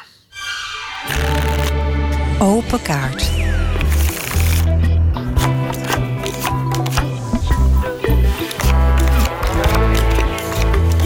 Een bak met kaarten en op elke kaart staat een vraag. En de gast die eh, trekt zelf een kaart. En zo eh, vormt zich een gesprek. De gast is Wilfred de Bruin. Hij maakt een eh, serie voor de VPRO-televisie. Ehm, op zoek naar Frankrijk. Wilfred woont al twaalf jaar in Frankrijk. Hij kent beide kanten van de stad. De ene kant die van de cultuur, van het goede eten, van de schoonheid, de romantiek en de welbespraaktheid. Die kende die al. De andere kant die leerde hij kennen door een eh, vervelend incident een paar jaar geleden. Wilfred, jij was degene die op de foto stond met een zeer gehavend gezicht. Die foto die was eh, overal te zien via de social media. Want jij was op een dag in elkaar geslagen. Wat was er gebeurd? Uh, op een uh, avond in april, een hele warme lenteavond. waar mijn vriendje en ik op een feestje. En wij wilden naar huis. En we dachten, zo mooi, we lopen naar huis. En we waren vrolijk en hadden wat gedronken. En liepen hand in hand. En dat doen we eigenlijk nooit, of zelden. Uh, die avond wel. En uh, we zijn toen uh, in elkaar geslagen. En vooral ik was er heel slecht aan toe. Ik herinner me er ook eigenlijk bijna niks van. Het was helemaal een blackout. Ik werd wakker in de ambulance. Onder het bloed en snel naar het ziekenhuis. De volgende dag kwam ik thuis. En toen zag ik pas in de spiegel wat er aan de hand was. En dat was heel naar om te zien. Dat, toen dacht ik... je moet er nu een foto maken... Want als die klootzakken ooit gevonden worden, dan kunnen we dat laten zien. En iets later in die middag bedacht ik, ja, allemaal vrienden zeiden: Hoe gaat het met je? Uh, zullen we een borrel gaan drinken? Het is zondagmiddag. En dacht ik, ja, weet je, ik ga nu gewoon in de wereld laten zien: dit is er nu gebeurd. En, en, en dat hebben we toen gedaan. Uh, in eerste instantie voor mijn Facebook-vrienden, eh, maar ook wel getagd op een aantal journalisten en, en mensen die op ministeries werken die ik wel ken, om te laten zien dat het echt schandalig was. En toen opeens ons was die explosie van media-aandacht. En toen dachten we, die kans grijpen. We gaan nu praten over wat er gebeurd is. We laten dat zien. Wat eigenlijk een heel banaal evenement was, helaas. Geweld op straat, om wat voor reden dan ook. In dit geval omdat ze twee jongens zagen die elkaar leuk vinden. Uh, wat weet je van je belagers? Nou, we weten er alles van. Ik heb het dossier thuis liggen. Je wil niet weten wat je allemaal weet als je van mensen die veroordeeld zijn als uh, slachtoffer. Van huisadressen en stambomen aan toe. Het gaat bijna te ver. Het zijn uh, vier jongens tussen de 17 en 22 jaar. Uh, alle vier veroordeeld voor een of andere manier medeplichtig zijn aan wat er gebeurd is. Uh, de zwaarste veroordeling geldt voor openlijke geweldpleging en réunion, dus in groepsverband met uh, een haatmotief. En uh, daar staan zware gevangenisstraffen op en die hebben ze ook gekregen. Zijn het allochtone jongens uit de banlieue? Niet uit de banlieue, uit het noorden van het 19e, het arrondissement waar ik woon. Uh, en, uh, maar wel uh, jongens uit wat dan de Cité heette. Dus dat is de grote sociale woningbouw. met een ja, vrij klassiek parcours van ouders, grootouders die geboren zijn in Noord-Afrika of Sub-Sahara-Afrika. Jongens die het op school niet goed hebben gedaan, kleine criminaliteit, naar nou, de hele lijst. Dat is hun profiel. Twee kanten van Parijs. Daar gaat de serie ook over. Want naar aanleiding van, van deze gebeurtenis, je noemt het zelf een vrij banale gebeurtenis, geweld op straat, kwam je op televisie en kwam je ook langzaam in de kijker als Frankrijk-kenner. Je werd nog eens teruggevraagd. Nu een echte tv-serie. In de eerste aflevering ga je meteen op zoek naar het contrast in Frankrijk. Het contrast in Parijs. Een goede vriend van jou, van adellijke afkomst, zoon van een kunstverzamelaar, werkzaam in de kunstwereld, welbespraakt man. En een even grote vondst, jongen ergens in de buitenwijken. Een zwarte jongen die probeert zich te redden en probeert weg te blijven van wat hij zelf noemt of de dood of de gevangenis. Twee werelden. De een kende jij waarschijnlijk ook niet. Nee, nee, die wereld in de banlieue kende ik natuurlijk niet. En um, ik denk dat expliciet belangrijk is voor Frankrijk. Niet dat er mensen zijn die verschillende levens leiden en op verschillende manieren zijn opgegroeid. Dat bestaat overal. Wat wij hopelijk kunnen duidelijk maken is dat Frankrijk een ongelooflijk klassensamenleving is. Klasse en stand doen er enorm toe in het land van gelijkheid en broederschap. Op een manier die ik me nooit had kunnen voorstellen. Uh, alsof het ancien regime, de oude manier van de onder de koningen eigenlijk nooit verdwenen is. Je komt er niet tussen. Als je er niet in geboren bent, als je niet de mensen kent, als je de etiketten niet kent, kan je het vergeten. Bijna wel. Er zijn natuurlijk uitzonderingen. Want het is ook geen kwestie van het zelf doen. Het is een kwestie van generaties. Zover gaat het. Jazeker. Nee, nee, nee, dat zover gaat het inderdaad. Dat is niet zomaar heel veel geld hebben of succesvol zijn. Dat betekent ook je goed introuwen, et cetera, et cetera. Ja, het is werkelijk een ancien regime waar we het over hebben. En dat is ongelooflijk dat in dat land, waar iedereen geacht wordt goede kansen te hebben in scholing en alleen maar beoordeeld te worden op uh, wat je kunt doen en leveren uh, en je intelligentie en je capaciteiten, dat daar dus een on een heel sterk netwerk is. Uh, dat functioneert als een elite op de hele ouderwetse manier.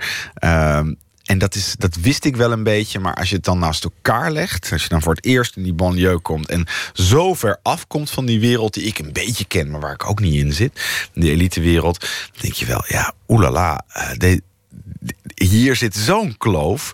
Je kunt afvragen hoe deze mensen nog met elkaar in, in een samenleving kunnen opbouwen. Maar mensen zijn ook heel somber in, in, eh, in, in Frankrijk. In de media, maar ook mensen die je gewoon spreekt. Een, een uh, goede kennis van mij, een, een geboren en getogen Parijzenaar, zei laatst: We zijn omsingeld. Ze hebben het noorden, het oosten, het westen. En nu pakken ze het centrum er ook nog bij. Wie zijn de ze in zijn verhaal? Nou, de, de mensen van de banlieue, de moslims noemde hij het. Oh. En dit is iemand die vijf jaar geleden dat soort dingen nooit zou hebben gezegd. Het is wel een stevige uitspraak van die kennis van jou. Die moet je nog eens heroverwegen, die kennismaking. maar daar ga ik niet over. Um, nou ja, Wellebeck die, die, uh, die heeft net ja. een boek geschreven... met, met een soort gelijke strekking. Dat is waar. Kraut, die zit in elke talkshow. Je noemt en... wel nu een aantal denkers... die niet onomstreden zijn in linkse kringen. Mag ik dat okay. even benadrukken? Maar hoe somber, hoe somber ben jij? Of, of ben jij juist door al je bezoeken aan de banlieue... optimistischer geworden? Nee, helemaal niet. Nee, ik ben eigenlijk ook ongelooflijk somber. Niet vanwege... Uh, kinderen van moslim-immigranten of zoiets. Dat is, dat is denk ik niet de kern van het probleem. Uh, waar wij vooral achter kwamen dat. Uh, die kloof tussen elite, overheid, officiële systemen, et cetera, en de banlieue-jongeren, dat die niet alleen maar bestaat op die manier, met die uh, tweede, derde generatie immigranten, maar die bestaat ook, die kloof, tussen Parijs en uh, Bretonnen. En die bestaat ook tussen Parijs en boeren. En die bestaat inmiddels ook tussen Parijs en de katholieke nette middenklasse. En je kunt je bijna afvragen. Uh, ik krijg de indruk dat 95% van de Fransen zich er niet meer thuis voelt. Kortom, zich niet meer herkent. Wie heeft er nog toegang tot de elite en wie is die elite nog eigenlijk als die zo weinig voeding heeft met de rest van de samenleving? Dat is een heel goede vraag. We hebben die elite zijn we tegengekomen toen we aan het filmen waren. En, en dat ga je zien in de vijfde aflevering. En mijn mond viel open. We waren op een vernissage, een opening van een tentoonstelling in een prestigieuze Parijse instelling. Uh, met vrij middelmatig werk hing daar heel groot aan de muren. En daar liep je werkelijk tout Paris rond. En ik vroeg aan de François de die ons daar mee naartoe nam, uh, de president van Christie's. Wat is dit dat hier opeens alles rondloopt? En ze zei: Ja, connecties. Opeens kwam alles bij elkaar. Nogmaals, ik denk niet dat het zeldzaam is dat er in een land een elite is waar mensen elkaar kennen en dat die het beter hebben misschien dan de rest. Maak me niet zo'n zorgen om. Het probleem is als daar helemaal geen toegang meer toe is en een soort losgezongen van alles. Ja, het spijt me. Nu klink ik bijna als Marine Le Pen. Hè? Dat klinkt een beetje eng. De hoge elite die werkelijk los is van het volk. Maar ik ben bang dat ze wat dat betreft geen ongelijk heeft in haar analyse. We gaan beginnen met de kaarten. Ik wil je vragen om uh, ergens in het midden een kaart te trekken. En uh, ik ben benieuwd welke vraag erop staat. Lees ik de kaart voor of jij? Ja, jij.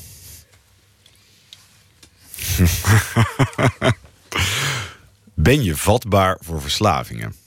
Nou. Ja, enorm. Uh, ja, nee, nee ik, uh, ik, uh, ik ben een gewoontedier. En haat alles wat met verandering te maken heeft. de, en als je. het wordt een soort therapie zo, hè? Ehm, nee, ik, ik, ik, ik, ik, ik, ik hou er erg van om. om, om um, als je iets hebt wat je. een, een ritueel of uh, een gewoonte. en die, ritme, die ritme geeft. en, en hou vast. en misschien wel een vorm van troost. ook als je nog zo oppervlakkig. dan kan ik daar buitengewoon aan vasthouden. En dat is wat een verslaving is, denk ik. Dat is fysiek en psychisch. Noem, noem eens wat dingen, wat middelen.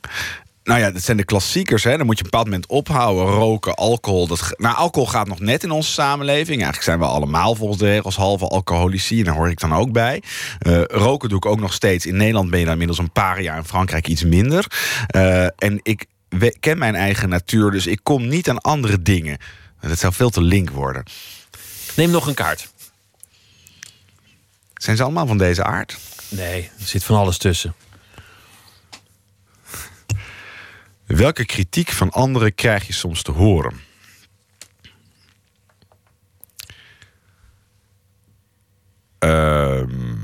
Hmm.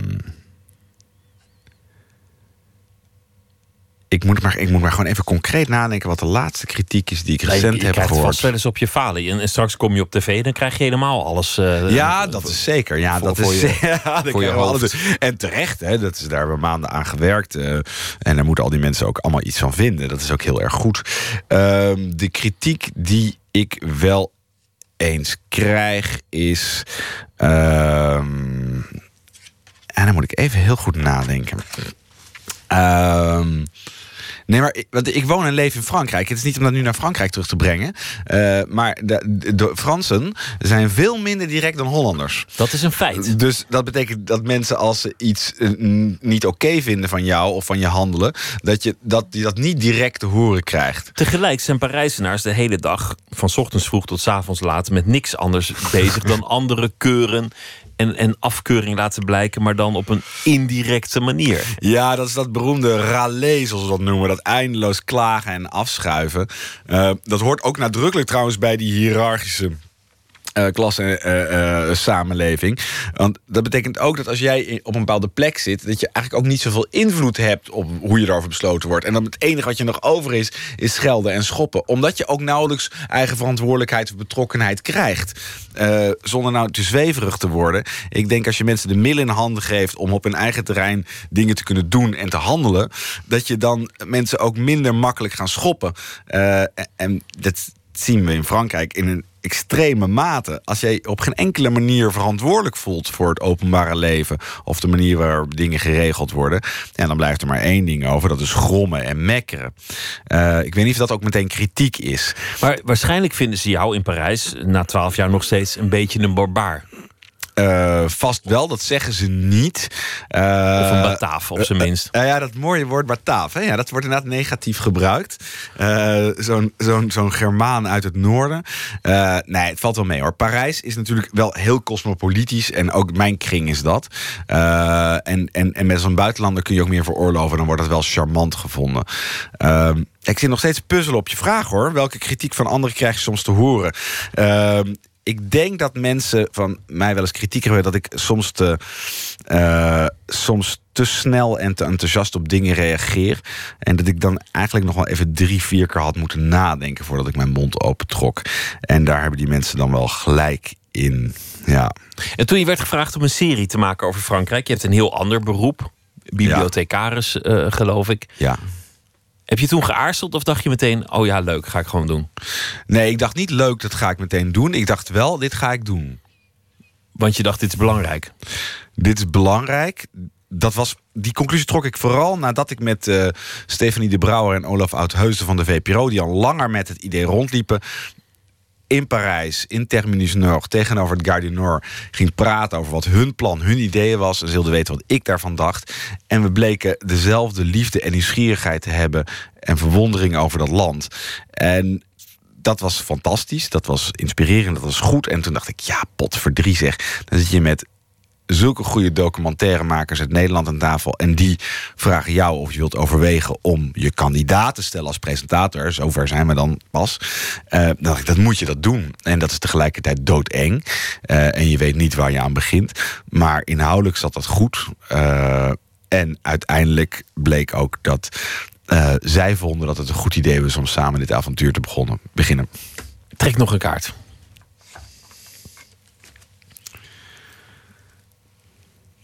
Heb je psychologie gestudeerd of zo? Nee joh, dat zijn Eh, gewoon een paar vragen. Wat, Die heb ik niet eens allemaal zelf bedacht. Dus een product van een uit de hand gelopen brainstorm.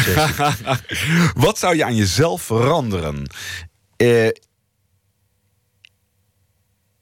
ik zou heel graag, graag aan mijzelf veranderen.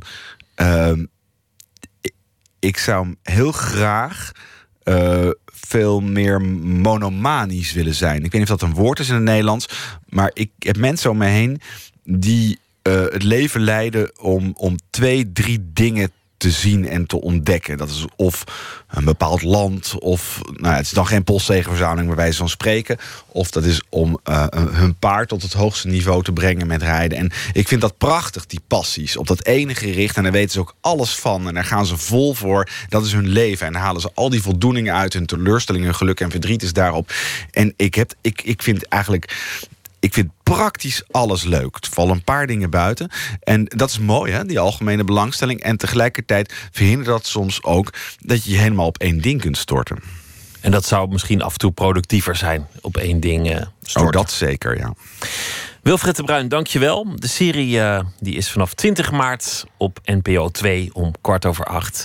En ik wens je heel veel plezier en succes in Frankrijk. Dankjewel.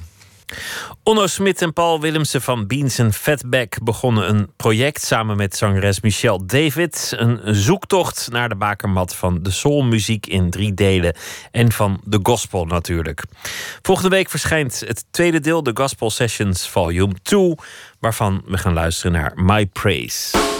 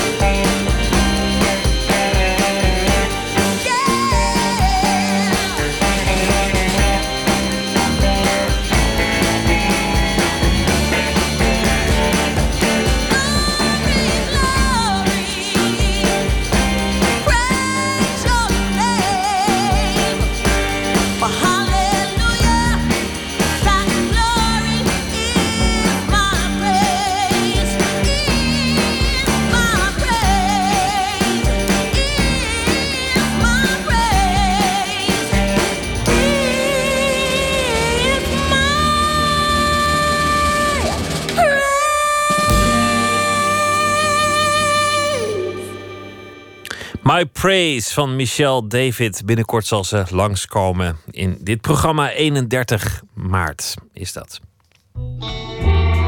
Nooit meer slapen. Het Nederlands Instituut voor Kunstgeschiedenis heeft 22 brieven van Mondriaan openbaar gemaakt. Brieven gericht aan Willy Wentholt, een lerares Frans uit Amsterdam. En met haar had hij een knipperlichtrelatie. De liefdesbrieven van Mondriaan. Ellen van Dalen is nachtcorrespondent. Ellen, liefdesbrieven van Mondriaan. Dat spreekt meteen tot de verbeelding op de een of andere manier. Ja, dat had ik ook. Het, op de een of andere manier triggert het toch heel erg. Want je denkt bij Piet Mondriaan, die man met die kubussen en die rechte lijnen, dat werken met die primaire kleuren. Uh, ja, ik, ik weet niet of dat nou met elkaar strookt. Maar wat blijkt nu, Mondriaan is eigenlijk helemaal niet een, een monnik of een kluisenaar, maar die hield ook nog wel van een avontuurtje. Ehm, ik belde met Wietse Koppes. Eh, hij is conservator van het RKD. En dat is het Nederlands Instituut voor de Kunstgeschiedenis. En zij bracht het nieuws naar buiten vandaag. En ik voelde me een beetje beschaamd, want ja, iemands liefdesbrieven lezen, dat is toch wel best intiem. Ehm, en alles ligt nu opeens op straat. En daarom dacht ik, ik vraag aan een conservator of hij een stukje van die brieven wil lezen. Willy, dank voor je briefje. Ik vind het ook zo het beste. Ik ben niet in jou teleurgesteld, maar ik had eerst de illusie van een heel grote liefde. Ik ben niet zeker dat die heel grote liefde, die ik bedoel, later bij je zou komen. En daarom is het beter zo. Dus we spreken er maar niet meer over, zoals je me voorstelde. Als jij hetzelfde blijft ten opzichte van mij, zal ik nooit gesloten voor je zijn. Dag Willy, ik hoop tot zondag. Veel groeten van Piet. Piet Mondriaan. Mondriaan, de man die op zoek was naar, naar het meest zuivere in zijn kunst. Die alle ballast omver wilde werpen. Die, die naar het absolute wilde streven. Een man ook van perfectie. Hoe was dat in de liefde? Geloofde hij in, in de ware, zuivere liefde en, en de perfecte vrouw? Was hij daarin ook zo absoluut? Nou, hij was wel heel erg op zoek naar dat absolute. Hij wilde dat zo graag vinden in die vrouw. En hij is ook een paar keer, eh, of hij is één keer verloofd geweest. Uh, hij heeft meerdere vrouwen gehad. Hij heeft ook met meerdere vrouwen gecorrespondeerd. Maar nooit eigenlijk op die manier zoals hij dat met uh, deze Franse lerares heeft gedaan. Dit is de enige correspondentie die eigenlijk gaat over de liefde en de twijfels die, de, die daaromtrent heeft. Uh, nou, de brieven die hij stuurde, dat zijn eigenlijk geen literaire hoogstandjes... zoals Vincent van Gogh die wel had. Uh, maar die documenten die zeggen wel echt iets over de schilder... beweert uh, de conservator meneer Koppes. Ik denk ook wel dat ze, dat ze het beeld op Mondriaan bijstellen. In zoverre dat veel mensen het toch een, ja, een afstandelijke figuur vinden... Terwijl ja, Mondriaan ook natuurlijk gewoon een mens was met hele menselijke kanten en met een hele wereldse kant ook.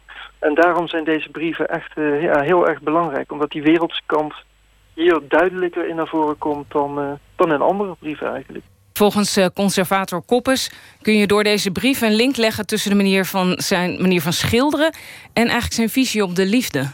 Ja, hij zoekt in zijn werk altijd naar de ideale balans. En die balans die wordt gevormd door tegenstellingen. Hij gebruikt horizontale lijnen en verticale lijnen. Dat zijn elkaars tegenstellingen. En als die, um, als die in balans kunnen worden gebracht, dan heb je een goede compositie. En nu werkte dat kunstenaarsbeeld ook door in Mondriaans leven. Dus het mannelijke stond bijvoorbeeld voor de verticale lijn en het vrouwelijke voor de horizontale lijn. Um, dus ook een relatie tussen man en vrouw moest volledig in balans zijn. En dat was blijkbaar toch iets wat hij niet helemaal bij Wendhold vond. Ja. Een geweldige analyse. Ja, de, de man op zoek naar perfectie en dan ook in de liefde net niet helemaal het goede gevonden hebben en dan, dan verder zoeken eigenlijk. Dit heeft ook iets, iets een beetje cruus, hè? Dat, dat, je, dat je de ander keurt als een werk en denkt, nou, het kan nog beter. Dit, en, dit is het toch niet helemaal. En het analyseert in lijnen van horizontaal en verticaal. Ja, ik vind het wel goed. Waar zijn die brieven vandaan gekomen, zo opeens? Ja, die komen uit Amersfoort. En die waren heel lang in het bezit van uh, Sis Heidenrijk Ozendorp. En samen met haar man heeft ze in de jaren tachtig uh, het geboortehuis van de schilder van Mondriaan in Amersfoort heeft ze verbouwd tot een museum. Het grappige is dat zij al die brieven, die, zijn uh, die, die dus nu gevonden zijn, die heeft ze eigenhandig allemaal opgesnoord door oude vrienden van Mondriaan te bellen en hun nazaten. Dus ze waren al heel lang in haar bezit. In 2008 uh, toen heeft dat instituut dat van, voor kunstgeschiedenis... en documentatie voor het eerst contact met haar gelegd. Uh, zij wilde eigenlijk wel dat die brieven op een veilige plek zouden zijn... als zij uh, zou overlijden. En daar vreesde ze nogal voor. Het heeft uiteindelijk toch nog aardig wat jaren geduurd... voordat zij dus die, die brieven ook echt heeft overhandigd. Want ze had er toch wel moeite mee. Ze, ze, waren heel erg, ze was er heel erg aan gehecht. Maar je kan je dus wel voorstellen dat het instituut heel erg blij is met dit materiaal. Wat gaat er, wat gaat er mee gebeuren? Nou, kort gezegd, de, het, het is nu te zien in de kunstbeurs, uh, TEVAF in Maastricht. Maar het is niet de bedoeling dat alleen de Happy Few uh, dit ziet, maar ook eigenlijk voor iedereen toegankelijk wordt. En daarom wordt het gedigitaliseerd op dit moment in het Nederlands en in het Engels vertaald. Alle brieven, dat zijn er zo'n 1650, dus niet alleen deze brieven aan, aan deze dame. ook brieven die nu in New York liggen, Tate Modern, Londen, Zurich. Um, ja, volgend jaar wordt de eerste komt online en daarna de komende twaalf jaar pas. De liefdesbrieven van Mondriaan. Mondriaan bleek naast een briljant kunstenaar ook mens. Elle van Dalen, dank je wel. Uit Gent in België komt het trio Amatorski. En uh, ze hadden eerder een uh, hit toen het nummer Come Home werd gebruikt voor een reclame van Belgisch bronwater. Ze hebben nu een uh, nieuw stuk uitgebracht, Hear Me.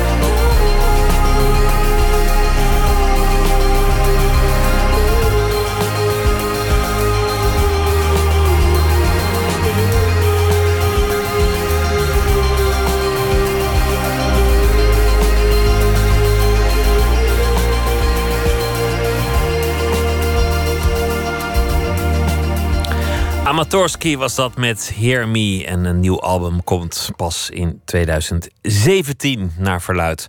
Florence Stonk is journalist, schrijver en dichter. En zal deze week elke nacht een gedicht uitkiezen en voordragen. Een eigen gedicht vannacht met als titel Verlaten vertrekken.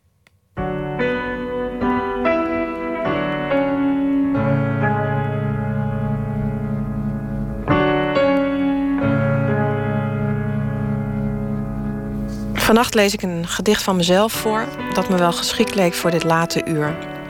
Het gedicht zal in mijn nieuwe bundel komen en ik schreef het in 2013. En in 2015 werd het gepubliceerd samen met vier andere gedichten in het Vlaamse poëzietijdschrift Het Liegend Konijn. Verlaten vertrekken. Hij kan het iedereen aanraden. Ergens een leeg huis, lege kamers, in tijden als deze van storm en regen, met verlaten vertrekken voor een tijd van verlaten, vrees willen vergeten, stil, sereen, op krakende vloeren na, en een boom voor de troost, tegen de blinde muur waar je in de keuken op uitziet, roken kan, ook heel stil, in het raam.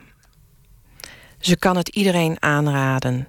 Veelvuldig neuken in lege kamers, op een eenpersoons luchtmatras of op de grond, als het maar naakt is. Geen kleren aan, zoveel mogelijk raken van andere huid. In een tijd van kapotmaken, verlaten, samen aanraken, samen komen. En het mag koud zijn. Muziek is niet nodig of eten.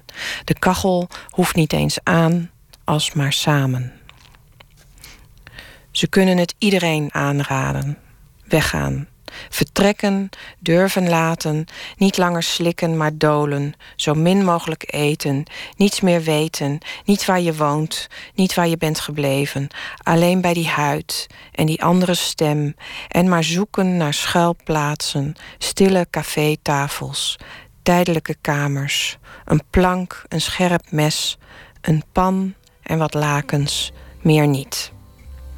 Verlaten vertrekken, gelezen door de dichter Florence Tonk. Een eigen gedicht was dat. Morgen in Nooit meer slapen. Anne Eekhout op bezoek bij Esther Naomi Perkin. Die komt uh, vertellen over haar nieuwe boek Op een Nacht. Over een man die zowel in het echte leven als in zijn dromen gevangen lijkt te zitten. En uh, ook aandacht voor uh, de kunst. Want we gaan het hebben over Who's Afraid of Red, Yellow and Blue van Barnett Newman met Barbara Visser, die een serie beeldbepalers maakt en over dat doek zal spreken. Dat allemaal morgen in Nooit meer slapen. Voor nu wens ik u een hele goede nacht en morgen een leuke dag. En ik hoop dat u dan weer luistert. En zometeen de nachtzuster Astrid zit al helemaal in de touwen. Goeienacht.